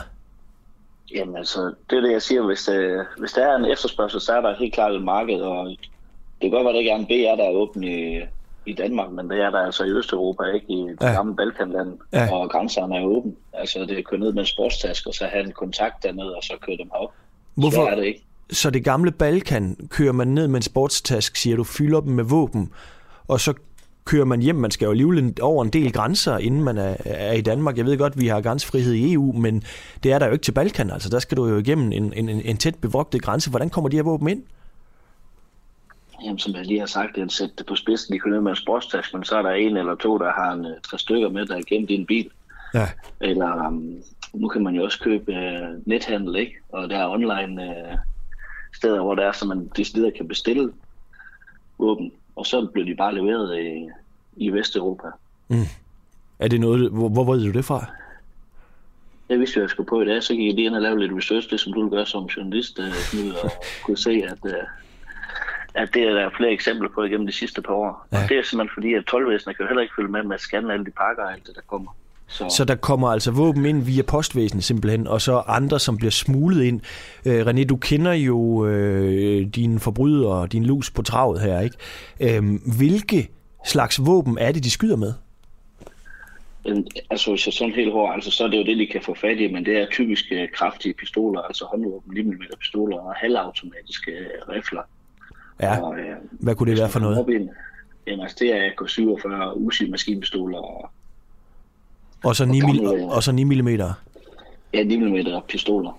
Ja, hvad koster så noget på det sorte marked?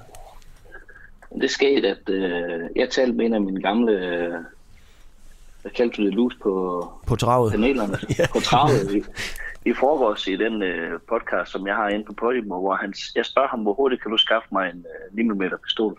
Kan du gøre det på en time? Så griner han, nej, men du kan give mig tre. Ja. Og så cirka 15.000. Så du taler med en af dine tidligere informanter eller, tid, eller kriminelle, som du kender, og, og spørger ham, hvor hurtigt kan du skaffe øh, en pistol, og han skal have tre timer, og hvor mange penge? Cirka 15.000, så har jeg en 9 mm. Okay. Og tror du Og ikke bare, han har- sidder, tror du ikke bare, han sidder og praler for at gøre sig interessant? Nej, men det er fordi sjovt med ham. Ham havde vi taget med en skarpladt pistol i 2016, og det var faktisk derfor, han var i studie. Og så siger jeg til ham, øh, hvornår har du haft en pistol i hånden? Det havde han første gang, da han var omkring 20, og han var altså et par 40 da, og han har haft det lige siden. Ja. Og så er det næste spørgsmål, det er jo så, hvorfor har man det? Så siger man, man skal jo være parat. Mm. Men René, lad os så sige, at du kunne få en pistol inden på tre timer, den koster dig 15.000, eller du køber nogle stykker. Hvor skal man gemme dem henne? Altså, øh, jeg mener, det her det foregår jo inde i Kongens København. Øh, der er masser af mennesker hele tiden. Altså, hvor, hvor gemmer de kriminelle de her pistoler? Og, og, og, og Ja. Uzi, eller hvad de har? Altså det ene sted, de ikke gemmer dem, det er hjemme under hovedpuden. Men de, de gemmer dem øh, i opgang eller i loftsrum, som ikke tilhører dem, eller Og hvorfor? Det er selvfølgelig, fordi de ikke gider at have besøg af politiet og have en overtrædelse af våbenloven. Ja, lige nøjagtigt. Det er fordi, de ved, at det lige nu, så er politiet det er jo klart, og det skal vi også køre en, en aggressiv både efterforskning og være operativ meget på gaden. Men når konflikten raser, så er de der skydevåben altså ude i bilerne, hvis man skal ud og lave et attentat, eller hvis man skal forsvare sig selv. Men er det ikke et dumt sted at have dem? Jeg mener, politiet har visitationszoner og stopper masser af biler. Øh, og så hvad? Så har du bare øh, din Uzi liggende i bunden af, af kadetten, eller hvad? det, det, er med kørt i kadet i dag, Knud? Nej, det, det er var noget, vi gjorde. det, ja, det er nok noget, vi gjorde. Men hvor, altså, det virker da åndssvagt at have den liggende i bilen. Øh, Er det noget, du Ja, ved, eller hvad taler du? Jamen, det er jo, ja, det er det, fordi hvis når de skal ud og begå et attentat, så skal de jo have den med. Ja. Det er ikke sådan, at de kører, så, når de ved, nu skal vi køre ud, og så lave noget i Tingbjerg, for eksempel, hvis man kører fra Nordvest eller Ja. Nørrebro, hmm. så skal man jo have transporteret dem derud. Og når man så er færdig med det, man skal, så bliver den gemt et sted med det samme. Så man skal have den på sig så kort tid som muligt. Men det samme, hvis man er bange for, at der kommer nogen og skyder ind i ens område, så skal man have den tæt på der, hvor man hænger ud.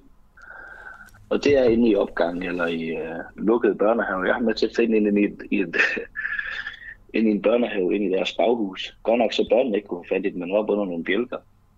Altså, altså ja, hvor er det børnehus hen? Det var på, Nør- på Nørrebro.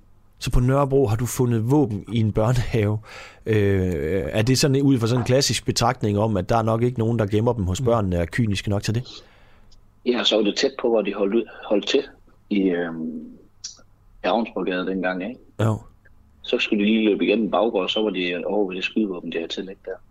Okay, og hvordan fandt I ud af, at, øh, at det var der, at våbnet lå i børnehaven? Altså, det, det lyder som det sidste sted, man ville lede.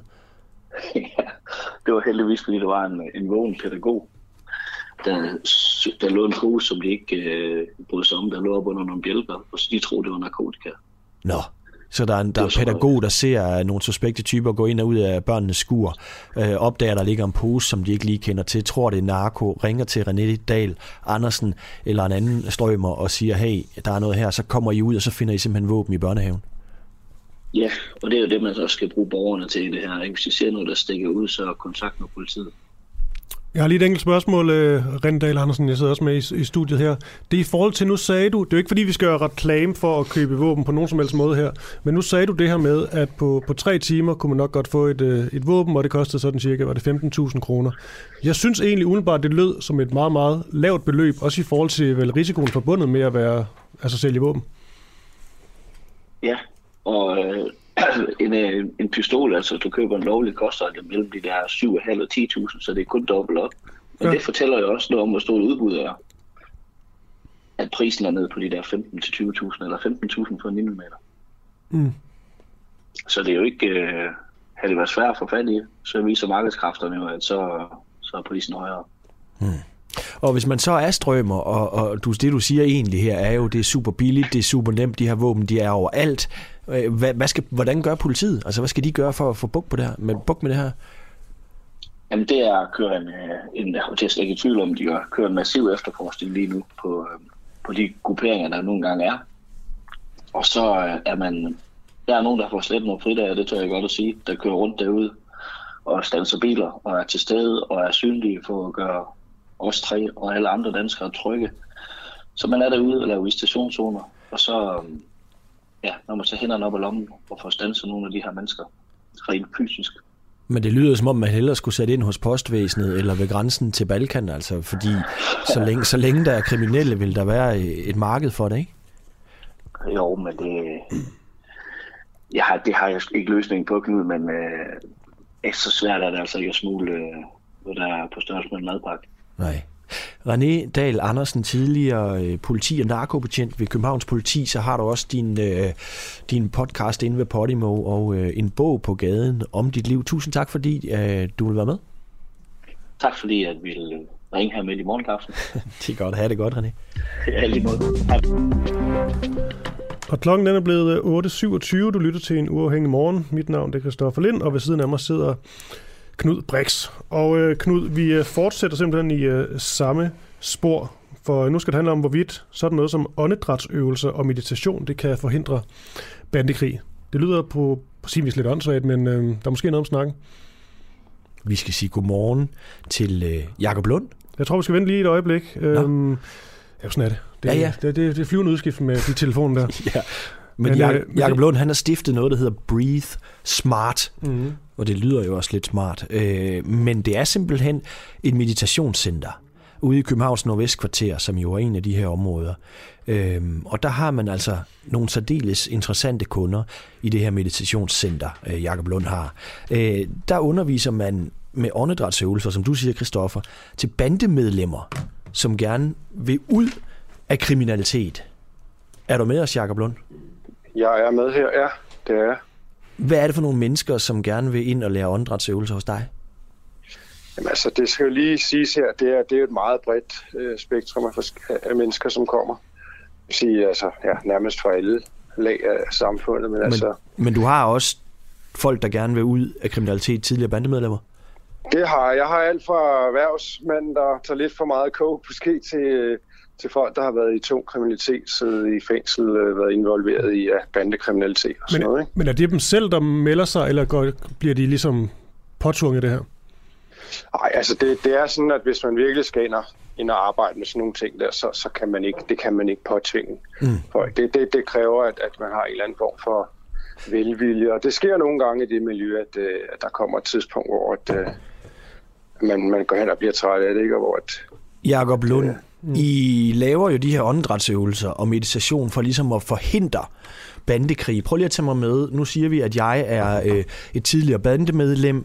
Jeg er kommet ud til dig i Nordvest. Jeg vil egentlig godt lære at trække vejret, sådan så at øh, jeg ikke er kriminel længere. Jeg vil ud af kriminalitet. Hvordan, tag mig lige med her i radioen. Hvordan skal jeg trække vejret? Prøv, prøv øh, nu leger, leger du, at jeg er et bandemedlem, der sidder over for dig. Fortæl mig, hvordan jeg skal trække vejret.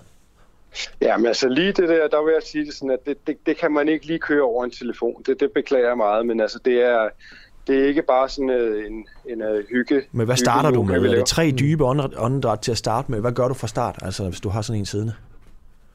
Jamen, vi starter med i første omgang at gøre nogle ting med, med kroppen. Ja, hvad kunne det være? Der, ja, og øhm, ja, det- blandt andet altså, la- langsomt, for eksempel, hvis vi er i sådan et miljø, så er man meget oppe i, i, i nervesystemet, hvor man er sådan en høj, høj aktiveret nervesystem. Hvor man Oppe i det røde felt. På.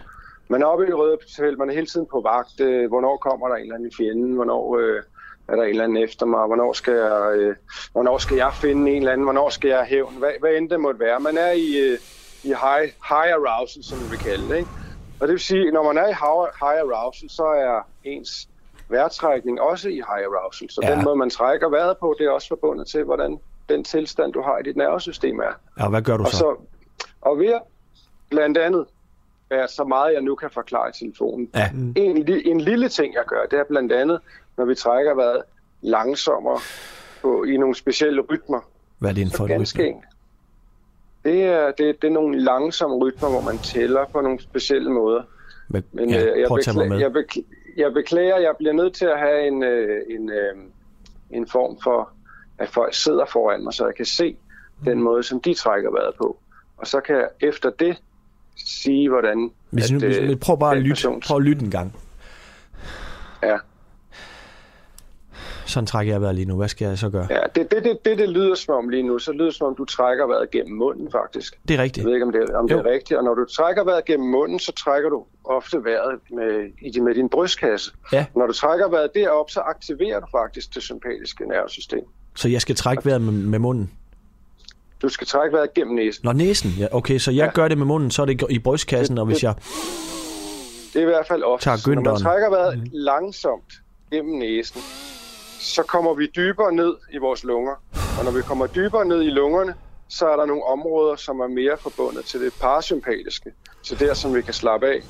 Der, hvor vi kan komme ud af vores øh, høje beredskab. Og hvad er rytmen? Du siger, der er en speciel rytme her, jeg skal følge. Lige nu, hvis jeg skulle sige noget til dig, så skal du prøve at trække vejret langsommere, end du plejer, og dybere, end du plejer. Og samtidig med det, så skal du også fokusere på, at du trækker vejret dybt ud. En dyb udånding. Det lyder på mig, som om du trækker vejret gennem munden. Nej, det er næsen.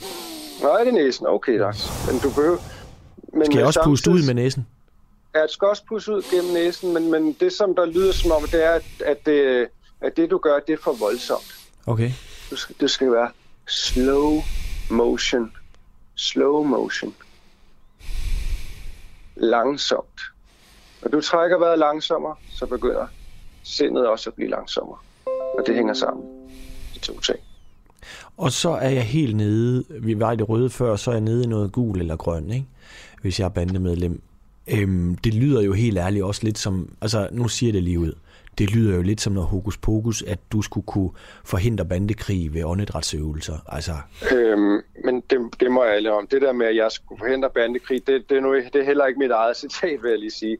Det jeg kan gøre, det er, at jeg kan hjælpe folk. Det er så ikke kun vejrtrækning, vi arbejder med. Vi arbejder i det hele taget med en, en kropslig approach. hvad, Det vil sige, ja, hvad er din største at, succeshistorie? Har du haft et højstående bandemedlem, som i dag er yogi, eller hvor er vi ude i? øh, jeg vil sige det sådan, at øh, ja, efter min mening, så er en stor del af, af de konflikter, der sker generelt i verden, det er skabt af folk, der selv har indre konflikter. Ja, men nu som skal ikke vi høre som din ikke selv bedste historie. Altså, hvem har du, hvad har du haft inden, som du har, hvor du virkelig har ændret noget af en, der har været hardcore kriminel? Hvad, hvad har du lavet der? Jeg har fået den person ud af det, af det der høje beredskabsbehov. Personen ikke behøver at være opsøgende efter de her ting her. Jeg har haft mange, mange, mange folk, som har været i de her bander, som har fået bearbejdet nogle af de ting, som, som ligger bag den adfærd, som de har. Ved at trække vejret Øhm. anderledes. Ikke kun træk vejret, det er ikke, det, det ved jeg ikke lige med at Det ikke kun vejrtrækning. Vi arbejder generelt med, med, en, med, en, med en terapeutisk metode, hvor man arbejder med kroppen, og det har man også fundet ud af, at mange, mange af de her mennesker, de bærer på nogle, nogle traumer, som i virkeligheden... Men Jacob Lund, må jeg så lige øh, sp- stille spørgsmål i forhold til det? Fordi nu siger du ligesom, at øh, ja, nu vil vi have fokus på de her øh, åndedrætsøvelser, men så siger du ligesom, at man sidder over for hinanden. Er det sådan i... Er det sådan altså i skrædderstilling nede på gulvet, eller er det bare på en på stol? Nej, nej, men man sidder på en stol, Det er og man laver ja. nogle, og man, og man taler selvfølgelig også om, omkring Det, det, det, er net, nogle det, af de ting. det var net det, jeg skulle høre, fordi altså, hvor meget terapeut er du i den øh, session? Altså er det ligesom også en, en måde, hvor de kan få lov til at tale, øh, tale frit, også uden du eksempelvis øh, dømmer dem? Lige præcis, at der er også, øh, vi har jo, for det meste så arbejder vi også i, i grupper, hvor der er andre mennesker, hvor man så sidder og, og laver nogle forskellige øvelser, hvor man så taler om det, og selvfølgelig ikke bliver dømt. Altså, det, der er vigtigt for mig, det er ikke så meget, hvad du har gjort. Det, der er interessant for mig, det er, hvad du ønsker at gøre, og hvor du er nu. Og øh, hvis man er et sted, hvor man rent faktisk ønsker en forandring, så, øh, så plejer der også at være en mulighed for, at man kan gøre noget. Og det, og det er desværre ikke altid nok, at man ved, at man ved, hvad for en forandring man skal gøre. Det er ikke nok nødvendigvis, at øh, vi ved det hele op i hovedet, mm. men der er nogle dybe mønstre, som ligger endnu dybere, uanset hvor intelligent man er. Så hvis man har nogle meget dybe mønstre, så, så ligger det nede i underbevidstheden. Men Jacob Lund, kan vi, man- vi er jo også ude i her, ikke? Vi sidder som kritiske journalister, jeg kan jo lige så godt sige det som det er. Jeg er simpelthen kritisk over for det der med, om man kan lave åndedrætsøvelser, og så øh, lade være med at være bandemedlem, eller at komme, komme nogle ting til livs. Du er sikkert kritisk over for sådan en journalist, der sidder der og bare affejer alting, og, fordi du har set Mm. det, du har set, ikke? Men, men Jamen, jeg, kan, jeg kan godt forstå, at du er kritisk. Jeg kan godt forstå, at det lyder mærkeligt. Men der er bare en lille forskel på, på det, som du får det til at lyde, og det, som, som jeg i virkeligheden laver. Fordi det, jeg gør, det er, når folk kommer, okay, nu er jeg blevet træt af det her. Jeg kunne godt tænke mig at komme videre. Jeg, jeg bliver stresset. Jeg kan mærke, at jeg er træt af at sidde i fængsel. Jeg er Mm. træt af at, og, og jeg er træt af at hele tiden skulle holde øje, om der er en eller anden, der vil skyde mig. Alle de der ting. Jakob, prøv at høre, Katrine, vores øh, lytter, øh, tror jeg det er, øh, skriver, at det lyder som et skridt i den rigtige retning i forhold til at kurere kriminalitet. Jeg tror bare ikke, man kan nå psykopaterne, skriver hun. Ikke? Øh, det er jo faktisk et super godt spørgsmål, jeg ikke selv lige var kommet på. Altså, øh, du kan kurere nogen. Har du haft nogen igennem, hvor du tænker, her hjælper åndedrætsøvelser? Simpelthen ikke. Mm. jeg har haft, jeg har haft nogen, som ikke øh, som er kommet. For eksempel så arbejder vi nogle gange i fængsler. Ikke? Så har vi nogle kurser med fængsler, og så er der nogen, der kommer af en eller anden anden årsag. Ikke? Og så er det klart, så er der nogen, man ikke kan gøre noget for. Men jeg vil så også sige det samtidig, der er nogen, hvor man måske ikke troede, man kunne gøre noget, hvor det så rent faktisk endte med, Mm. at det kunne blive noget. Ikke? Og selvfølgelig er der nogen, man ikke kan hjælpe, og dem er jeg heller ikke interesseret i. Og det er også derfor, at vores approach er bare... Jeg kan huske allerførste gang, det er 20 år siden, jeg skulle holde et kursus i et fængsel. Der var sådan en tvang, alle skulle på. Ikke? Mm. Og, det gjorde jeg kun, og det gjorde jeg kun én gang. Øh, det, det, det fungerer ikke rigtigt, vel? Altså, det, det, det drejer sig om, det er en åbenhed, men samtidig vil jeg også sige det sådan, og, og, og det kan jeg godt forstå måske med din kritiske, hvis ikke man har prøvet det, men man, folk kan blive overrasket over. Nej, men prøv at høre, jeg er ikke helt lukket. Altså, jeg Okay. føler tit, når jeg sidder inde, nu har jeg jo været en måned på Ekstrabladet som chefredaktør, ikke? Jeg sidder Okay, tit ja. og føler også, jeg er oppe i den der røde, fordi der er en masse nye ting, jeg skal lære. Øh, Mhm. tre hurtige, det kunne jo være, der sidder lyttere derude, som har det på samme måde, at man nogle gange så, ah, så er man jo deroppe, ikke? Tre Mhm. hurtige åndedrætsøvelser, jeg kan lave på kontoret. Nej, jeg vil sige, den første vigtige ting at huske, det er, at der er, noget, der er en fejl, som, som mange siger. Jeg kender ikke, kender det ikke udtryk. Tag en dyb indånding, Ja. og så bare slap af. Jo, det siger For alle, det, før, og prøv det, det kan du godt slette, fordi tag en dyb indånding. Hvis du er i for eksempel i angst, i en angsttilstand, eller hvis du er et sted, hvor du er mega stresset, så er du allerede en indånding for det meste. Mm. Det vil sige, at tage en indånding, der er slet ikke plads. Det, man skal fokusere på, det er at tage en dyb udånding i stedet for. Okay, okay, nu taler vi her. Så Ja, jeg skal, det er den ånd- ene ting. Jeg skal ånde dybt ud i stedet for ind. Du, du skal ånde dybt ud i stedet for ind. Det er den ene ting. For den anden ting, så skal du ånde gennem næsen. Og den tredje ting, så skal du gøre det langsommere. Skal jeg lukke øjnene? Det, du kan godt lukke øjnene, og så kan du fokusere på luften, der går ind og ud gennem næsen. Og samtidig med, at du fokuserer på vejrtrækningen, der går ind og ud, ud gennem, så er du også mere til stede i det her øjeblik. Og det er faktisk, vejrtrækningen kan hjælpe en til. Det kan hjælpe en til at komme i kontakt med det her øjeblik. Tit når vi er stresset, så farer vi rundt. Ej, vi skal nå det, og vi Ja, skal ja. nå det. Ej, og vi nåede ikke det. Nej, det er det, kan faktisk, det kan faktisk bringe ind, ind i det her øjeblik, så man øh, får... Og man, man kan simpelthen lære at regulere sine egne følelser. Tusind sin tak for det, tusind tak for det, Jakob Lund. Ja, okay. Men Som øh, altså, du en dag. Ja, det kan sgu godt være, ikke? Det kan godt være. Christian, jeg tager Christoffer med. Eller Asger Jul faktisk, Ja, det er måske næsten snart. For jeg kan se. ham gå rundt ude i regien. Han er jo kommet kongen nu, ikke?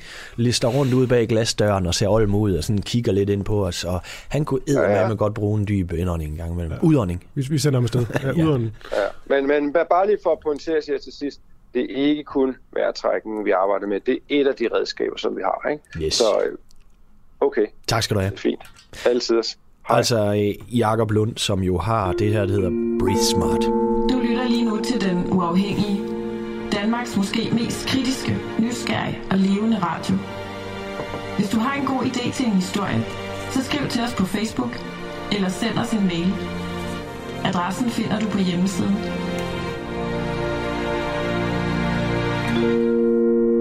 Lige om et øh, kort øjeblik, der taler vi med Per Stig Møller, foranværende udenrigsminister. Og det handler om denne her sag, som jo bare udvikler sig hele tiden med, øh, med Rusland, som har samlet, men, men, mener man i hvert fald, 70.000 tropper langs grænsen til Ukraine. Og der vil jeg gå virkelig stor politik i den. Der, der bliver talt om USA med øh, vil lave aktioner, men også sanktioner mod, øh, mod Rusland osv. Og alt det her har altså fået Per Stig Møller til at åbne op for, at vi måske er på randen af en ny verdenskrig. Det er i hvert fald en måske journalistisk øh, stramning, men trods alt det her med, at der, der, der minder sig til, øh, hvordan Første Verdenskrig den, øh, den startede. Det er sådan, jeg har forstået det. Mm. Skal vi tale om Per Stig? Ja, jeg er med. Jeg kan høre jer. Godmorgen, godmorgen. Godmorgen. Per Stig, 70.000 tropper langs grænsen til Ukraine. Ifølge de amerikanske efterretninger, så gør Rusland sig jo simpelthen klar til at angribe Ukraine i begyndelsen af det nye år. Øhm, hvad er det, de russiske tropper gør der for dig til at tænke på en verdenskrig? Jamen, det er jo det ene træk, øh, fører det andet med sig. Altså, det, der er jo ikke lagt op til verdenskrig fra Bidens side, fordi der svares jo bare tilbage med økonomiske og diplomatiske formentlig sanktioner, ikke? Og det vil sige, der er så en fodboldklub mindre, de kan købe i England og oligarkerne, når der kommer de sanktioner. Og det er Putin jo tok, temmelig ligeglad med, det har han jo vist. Så så længe man kun øh, truer med økonomiske sanktioner, så stopper det dem ikke. Og der skal har jeg jo prøvet at se på, hvad er egentlig Ruslands langsigtede strategi? Hvad har den altid været siden, siden Peter den Store? Det er jo altså at erobre, og når man så erobrer, så fastholde. Og hvis man øh, tæver det, man har erobret, så tager man det tilbage ved førstgivende lejlighed. Mm. Og sådan har Ruslands historie været siden år 1700. Man har tabt noget, og så har man taget det tilbage. Øh, Putins store plan, det er at genopbygge Stor Rusland.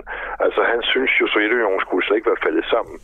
Og så vil han så bygge Stor Rusland. Og der ser han altså Hvide Rusland og Ukraine som en del, helt integreret del af Stor Rusland. Det har han jo også skrevet for nylig i en artikel.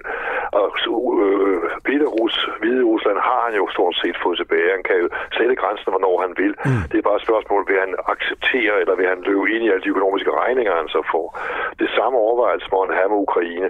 Og der har han jo så set, at Biden ligesom Obama har det hele i munden, fordi øh, den måde, de kom ud af Afghanistan på, det har jo overbevist Putin om, at der er ikke nogen fare fra Amerika. Det minder lidt om, og det er derfor, jeg har billedet med tidligere krige. Det minder lidt om, da Khrushchev fejlvurderede Kennedy. Kennedy havde ikke reageret, da Berlinmuren kom op. Så fik vi Kuba-krisen, for så afprøvede de USA, hvor stillede raketter op i, i Kuba. Og det blev for meget. Så der var vi jo på, græn, på, på, på, på randen af en krig, og så trak Khrushchev sig for meget fornuftigt, der blev lavet en aftale. Første verdenskrig, den ene mobiliserer, den anden mobiliserer sig også, og så er sådan, og så der sådan, og så der sådan. Og der er det så, jeg slutter pointen med at sige, at det farlige bliver jo så, hvis det virkelig kommer til udløskrig, det er, hvor har vi så Kina? Mm. Hvis Kina går sammen med Rusland, så har vi en meget, meget, meget svær krig. Hvis man kan få skilt Rusland og Kina ad, så kan Rusland faktisk ikke vinde en krig. Men det er det, jeg godt kan lide ved dig, Per Stig Møller. Det er jo, at du er den eneste analytiker, der trækker den tilbage til Peter den Store. Ikke? Og så er vi omkring Første Verdenskrig, og så også Khrushchev, som du jo selvfølgelig selv kan huske. Øhm, men, men helt ærligt, altså, nu siger du, at det er det her med det uforudsigelige i, at man, øh, at man eskalerer. Øh, Biden har jo faktisk øh, i nat dansk tid signaleret, at USA vil sende flere tropper til Østeuropa. Øh, og, og, og dermed jo også opruste. Er vi så ikke netop på vej til den her eskalering? Jo, jo, det er jo det. Det ene træk trækker det andet med sig. Det er lige her første verdenskrig. Men omvendt kan Putin jo også, og det er der, det er altid er farligt. Det er, at den ene fejlvurderer den anden. Hvis øh, Putin vurderer, at ja, okay, de har tropper i Øst, øh, Østeuropa, det har de jo haft lige siden øh, øh de har alle sammen meldt sig ind i NATO. Øh, det er jo en af grundene til, at de reagerer, som de gør, fordi de følte, at de havde fået et løfte. Jeg drøftede det meget med Lavrov mange gange. De følte, at de havde fået et løfte om, at NATO gik ikke ind i de nye lande, der rensede op mod Rusland. Det at NATO så gjorde alligevel, at de kunne blive medlemmer, men der kom ikke NATO-styrker ind. Det er så altså kommet alligevel, og der føler russerne sig snydt. Og det er derfor, han siger, at vores sikkerhed, de vil ikke risikere det i Ukraine, som skete de andre steder. De mm. stoler ikke på os. Og det er der, øh, de så kan sige, at USA har tropper i Østeuropa, ja, det har de haft før, men de går ikke ind i Ukraine, vi kan tage det. Og det er jo så der, fejlvurderingen kan komme. Uh, ligesom uh, Hitler heller ikke regnede med, at Chamberlain ville reagere, uh, for han havde ikke reageret i Tjekkoslovakiet, så reagerede han nok heller ikke i Polen. Det gjorde han jo så. Mm. Og der kommer så fejlvurderingen, hvis en rar gamle mand, som Hitler kaldte Chamberlain, pludselig reagerer, Biden pludselig reagerer og sender tropper ind i Øst-Ukraine, som har sagt, han ikke vil. Så der ligger nogen, der kan trække noget med sig, og det er der, jeg så slutter min pointe med at sige. Så er det jo et spørgsmål, hvem har hvem som er allieret i den situation, hvem har flækket dem ad. Der lykkedes det jo Nixon og Carter at skille Rusland og Kina ad, men det er jo lykkedes også i de senere år at banke dem sammen igen. Ja, men, men nu sidder du jo ikke i asiatisk plads øh, længere i, i, i kontoret deroppe på øverste etage og er udenrigsminister. Det er Jeppe Kofod lige nu, ikke? Men det du jo faktisk siger her, det er, at vi skal passe på, at vi ikke svarer igen med at provokere øh, russerne. Altså, hvad mener det er jo egentlig det modsatte Nej, det er ikke det, jeg siger. Det er ikke det, jeg siger, fordi hvis du giver russerne indtryk af, at du ikke svarer igen, ja. ikke sandt? så er det, de tager. Så kommer karatesparket ind. Så er det, de tager. De skal, de skal være usikre på, om vi kan finde på at gribe ind. Mm. Øh, så derfor skal vi, vi skal legne op til at være redde til at tage kampen, hvis de vil have den. Men tror du ikke, han lurer, at vi ikke uh, tør det alligevel? Jamen, det er jo der fejlvurderingerne på begge sider er altså dødsens farlige. Ja. Ikke? Jo. Mm. Altså, øh, Europa, øh, altså, øh, hvis man sidder over og kigger på os, ikke, så er vi jo ikke særlig skræmmende. Så er der Biden. Altså, tror du ikke bare, at han tror, at han kan gøre det her? Jamen altså, Biden kan jo heller ikke blive ved med at gøre ligesom Obama, bare sige, øh, ja, det gør vi så ikke noget ved, det gør vi så ikke noget ved. Nå, så gik det galt, det er okay, så, det gør vi ikke noget ved. Så hvad ville du gøre, hvis du stadig var dansk udenrigsminister? Jamen, jeg ville, ja, jeg ville ikke gøre noget solo dansk, det har jo ikke nogen mening. Men jeg ville arbejde for, i sin tid som udenrigsminister arbejdede jeg jo kraftigt for Ukraine kom komme ind i NATO og EU. Fordi jeg sagde, at det farligste er et sådan tomrum. Uh, I 2002, da vi havde formandskabet, advokerede jeg for det over for kommissionen. Og de ville så ikke være med til det overhovedet. Så jeg har hele tiden haft den linje, det farligste er et tomrum. Og det er det tomrum, som han nu udnytter Putin, fordi vi gjorde ikke det tomrum til en del af vores alliance, som vi kunne have gjort i 2002 og 3 og 4, men som vi ikke kan længere. Øh, og, og det var derfor, jeg advarede mod russisk revanchisme. Det er derfor, jeg også arbejdede så kraftigt for Estland, Letland og Litauen skulle ind i folden hurtigst muligt. Fordi jeg sagde dengang, der kommer en russisk revanchisme, så skal, de være, så skal vi være stærkt legnet op sammen, før den kommer. Møller, jeg skal lige høre i forhold til øh, det her med at, at sammenligne, eller i hvert fald nævne, at situationen godt kan ligne noget, der mindede om øh, det, der skete op til Første Verdenskrig. Du har også været inde, du har også lige nævnt øh, Hitler og Chamberlain, der har haft ret mange, øh, hvad kan man sige, sådan krigsreferencer. Er det ikke sådan lidt en måde at overdramatisere det helt lidt på? Nej, det er det ikke, fordi øh, det er jo noget for, for, at man skal sige, Jamen, historien har vist, hvor farligt det er, hvis man fejlvurderer hinanden. Uh, øh, og historien har også vist, hvor farligt det er, der ligger sådan nogle grå gråzoner som, som Ukraine, fordi på et eller andet tidspunkt vil den ene prøve at dominere det, og så skal den anden så prøve at forhindre. Så det er et forsøg på at sige, at vi er nødt til at forberede krigen for at bevare freden. Men frygter du reelt set, at det her det kunne føre til en, øh, til en verdenskrig? Det lyder vildt i mine ører i hvert fald. Jamen det gør det jo, hvis Rusland kan trække Kina med ind, og der er jo konflikter også omkring Sydkinesiske hav. Øh, der er en masse ting, der kunne skille dem ad, men der er også ting, der kan bringe dem sammen. Jeg tror ikke, der kommer den krig, men jeg advarer om, at man kan eskalere sig frem til den. Mm. Må vi stille dig et bonusspørgsmål? Det handler om noget helt andet. Det er bare fordi, vi havde en UFO ekspert inden tidligere i programmet, ikke? og det, så, så har du straks paraderne op. Men det er faktisk sådan, at den danske forsvarsminister Trine Bremsen, hun på baggrund af, at Pentagon har gjort det, siger, man kan ikke længere udelukke, at øh, uidentificerede flyvende objekter, de udgør en reel, øh, teoretisk godt nok, men en sikkerhedstrussel. Altså, hvad tænker du om det, at man i Pentagon nu tager det så seriøst, det her med UFO'er, at den danske forsvarsminister også siger, vi kan ikke udelukke, der er en trussel fra det ydre rum? Ja, altså, altså hvem, hvem skulle så de extraterritorial øh, pludselig gå ind og øh, går de ind for Putin, øh, går de ind for Biden, går de ind for demokrati, går de ind for totalitære styre, hvad, hvor vil de lægge deres skål? Det er et helt andet regnestykke. Så kan vi også risikere for meteor Ja, Ja, måske det er det, der bringer alle verdens lande sammen, at vi er nødt til at ja, kigge ja, på det kan bringe os sammen. Du, virker, du, virker, du virker ikke så bekymret lige for, for det, Per Stemøller? Nej, den er jeg ikke bange for. Okay. Men, du, men du kender jo amerikanerne bedre end nogen. Du har været i Pentagon et utal af gange. Altså, hvad synes du om? Er det ja, de fejlvurderer også meget tit. Jeg kan huske i 87, da vi over havde møde med dem i, i State Department. Uh, der sagde de til mig, der kommer aldrig til at ske noget i Østeuropa. Sovjetunionen bevarer 100 år endnu, og det gør Varsjævepakten også. To ja. år efter var det hele væk. Altså, de har lavet mange fejlvurderinger i tidens løb, så, så, så det er jo ikke det er jo ikke der, vi nødvendigvis får at vide, hvad der kommer til at ske. De kan også tage fejl. Så hvad synes du om, at, hvad synes du om, at de siger, at man er nødt til at tage UFO'er seriøst? Er det sådan noget, du sidder og griner lidt af oppe i Kirkehyllinge? Jamen, jeg synes, at det er rigtigt, at den danske forsvarsminister, hvis Pentagon tager det seriøst, altså at gå med ind for at se, om der er noget i det. Jeg bebrejder ikke Trine Bramsen, nogen, så siger, at det må vi se på. Okay. Det skal hun da sige i den situation. Tusind tak for det, Per Stimøller.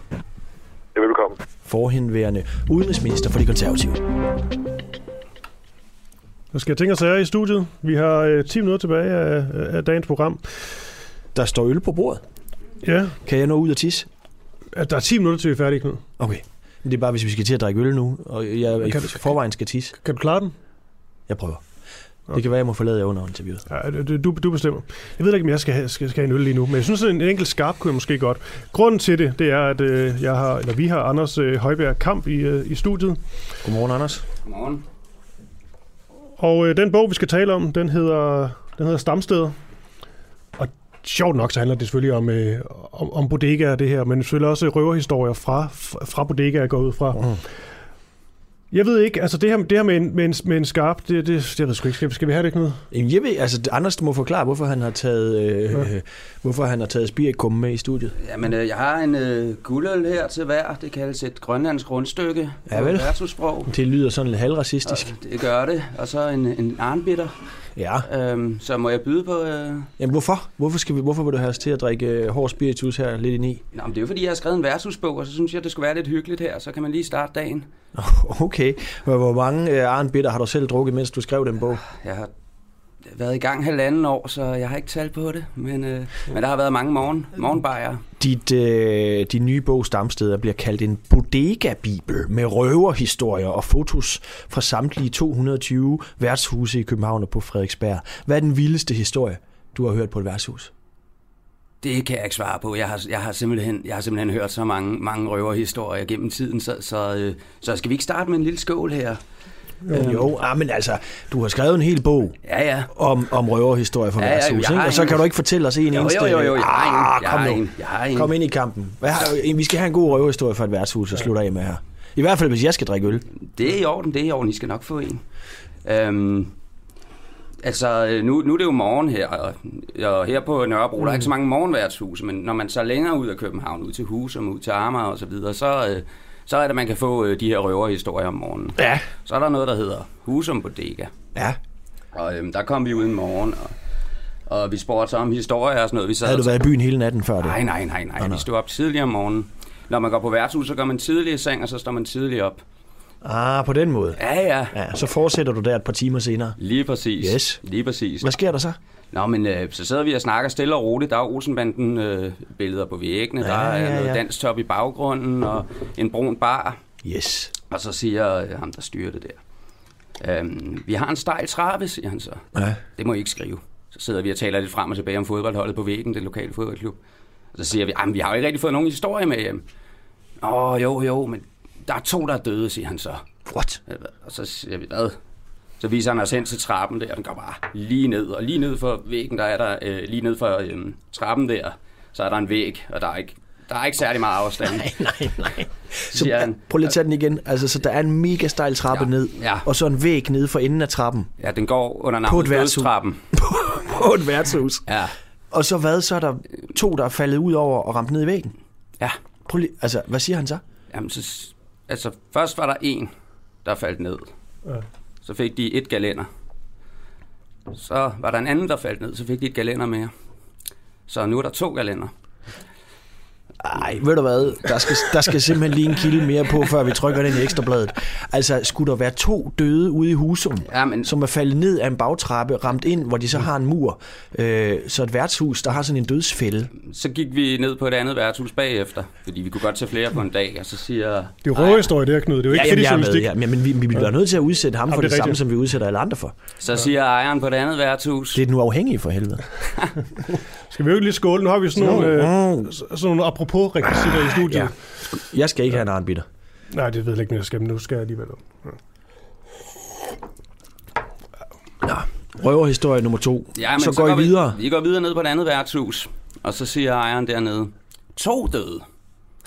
Det var i min tid. Der er syv, der har taget turen. Syv, der skulle være døde på et værtshus i Husum. Lige præcis. Og det er åbnet i starten af 70'erne, var en gammel møbelforretning. Så Hvad tænker du så? det ved jeg ikke. Så drikker man øl, og så tager man videre. Det var den røverhistorie. Øh, du har ikke researchet videre på, øh, hvem de her syv ofre var. Det, det er ingen grund til. Det er der ingen grund til. Skulle nødt ødelægge en god historie. Ja, det er det. Okay. Øhm, Vi skal en mere. Ja, skal vi, ikke- men jeg skal også lige høre, de her røverhistorier, altså er det sådan bare at sidde på bodega, tale med, med stamgæster, og så, så begynder de at snakke, og du, øh, Ja. du skriver ned eller Ja, husker? man, man, man, skal, man skal drikke en øl, og nogle gange skal man drikke flere. Ikke? Man kan ikke bare komme ind og få serveret røverhistorier på fad, så at sige. Man, Nej, de sidder vel lidt med korslagte arme og sådan en røg, der som der ikke kommer ind. lige præcis. Man skal lige se sig an. Kan man drikke bajer? Ikke? Det er vigtigt. Kan ja. man ryge en cigaret? Det er også vigtigt. Men har du sådan en, øh, har du sådan en, har du en optager med, eller husker du det bare i hovedet, og så gengiver du nogenlunde Det er bagefter? forskelligt, det skal jo siges. Altså en optager, en diktafon, det er meget, meget skrættende optagelser, man kommer hjem med. Og måske er den også sådan lidt intimiderende, hvis der sidder sådan en bodega-rotte der, ikke? Lige præcis. Lige præcis. Ja. Så du har det i hovedet. Så jeg går har du hjem meget og- af det i hovedet og noter og så videre. Ikke? Vi har besøgt 220 steder, ikke? 220 værtshus i Københavns Kommune og Frederiksberg. Ja. Det man jo gerne vil vide også her, det er, det der er sådan lidt en døende kultur, Mm. øh, virker det til. Ikke? Så Arne Ulrik Thomsen øh, har lavet den der bog øh, København Con Amorte, hvor de fotograferer Ja, ja, sammen med Jochen har- Rode. ja. Ja. Så går de rundt og fotograferer de værtshus, inden de forsvinder. Hvorfor tror du, den her kultur er ved at forsvinde? Det er jo, København har udviklet sig fra at være en arbejderby og en håndværkerby til at blive en, en by med mange akademikere, skjorte, øh, kontormedarbejdere. Mm. Og så er Papirnusser. caféerne, ja, papirnusser. Øhm, der er flere årsager. Der er altså den gentrificering, vi har hørt så meget om. Så er der andelsforeninger, de vil bestemt ikke have et øh, værtshus i deres karriere. Der bliver klaget og klaget og klaget. Men er det også noget med, at vi måske er lidt mere bevidste om, at det med at, at drikke fra, øh, fra formiddagstid og, øh, og ryge smøger hele dagen? Det, jo, det, det hænger jo også sammen med det be- Ja. befolkningsudskiftningen og, hvad kan man sige, udviklingen. Jo, men du er jo også lidt i gang med en romantisering af en kultur, der også eddermame har et mange børn, ikke? Altså, øh, øh, hvorfor skal vi egentlig hylde så destruktiv en kultur? Jamen, jeg ved ikke, om vi hylder det. Vi, vi beskriver det og, og dokumenterer den. Øhm, vi selvfølgelig hylder vi hylder outsideren, vi hylder de skæve, vi hylder dem, der ikke får så meget tid i medierne, og, Ja. og, og, og vi hylder, øh, at, at man kan vælge at leve et anderledes liv. Det er helt klart. Jeg synes ikke, vi hylder, øhm, jeg synes ikke, vi hylder død og, og, og, og selvdestruktivitet og så videre. Nej. Men er det ikke meget godt, de her værtshus forsvinder, fordi så forsvinder drukkulturen? Nej, jeg synes, altså drukkulturen... Så, så prøv at overbevise mig om, hvad er, det, vigt- hvad er det væsentligste, vi mister, når de her værtshus lukker? socialkontorer, simpelthen steder, hvor mennesker, der ikke har så mange venner og så videre, kan gå hen og Ja. finde et fællesskab. Altså det tager ikke, en af os tre, vi kunne gå ind på et værtshus nu, i løbet af en halv time vil vi sidde og snakke med folk og, og Mm. finde et fællesskab. Ja. Så den der sociale kontakt, hvor det er sådan lidt ligegyldigt, hvem du er. Eller sådan. Præcis, hvor der er højt til loftet, hvor din baggrund ikke er, ligegyldig. Altså det, det handler om, hvem du er hernede. Ja, du har så også en fotograf med, I tager billeder til bogen, selvfølgelig. Ikke? Thomas altså, Skov, ja. ja. Thomas. Hvordan, øh, altså, hvad gør I så? Altså, vil de gerne have taget billeder, de her mennesker? Eller hvordan? Hvad, altså, du går rundt og samler røverhistorien, han tager billeder. Ja. Øh, er de bare med, med på den, eller hvad? Ja, det synes jeg, de har været i, i, i stor stil. Nej. Det er selvfølgelig ikke hver gang, men, men det tror jeg ikke er anderledes end alle andre steder. Altså. Nej. Folk er, er glade, når man kommer og snakker med dem, og, og venlige. Hvornår var du selv på værtshus første gang? Jeg var 16, tror jeg. Hvor var det hen?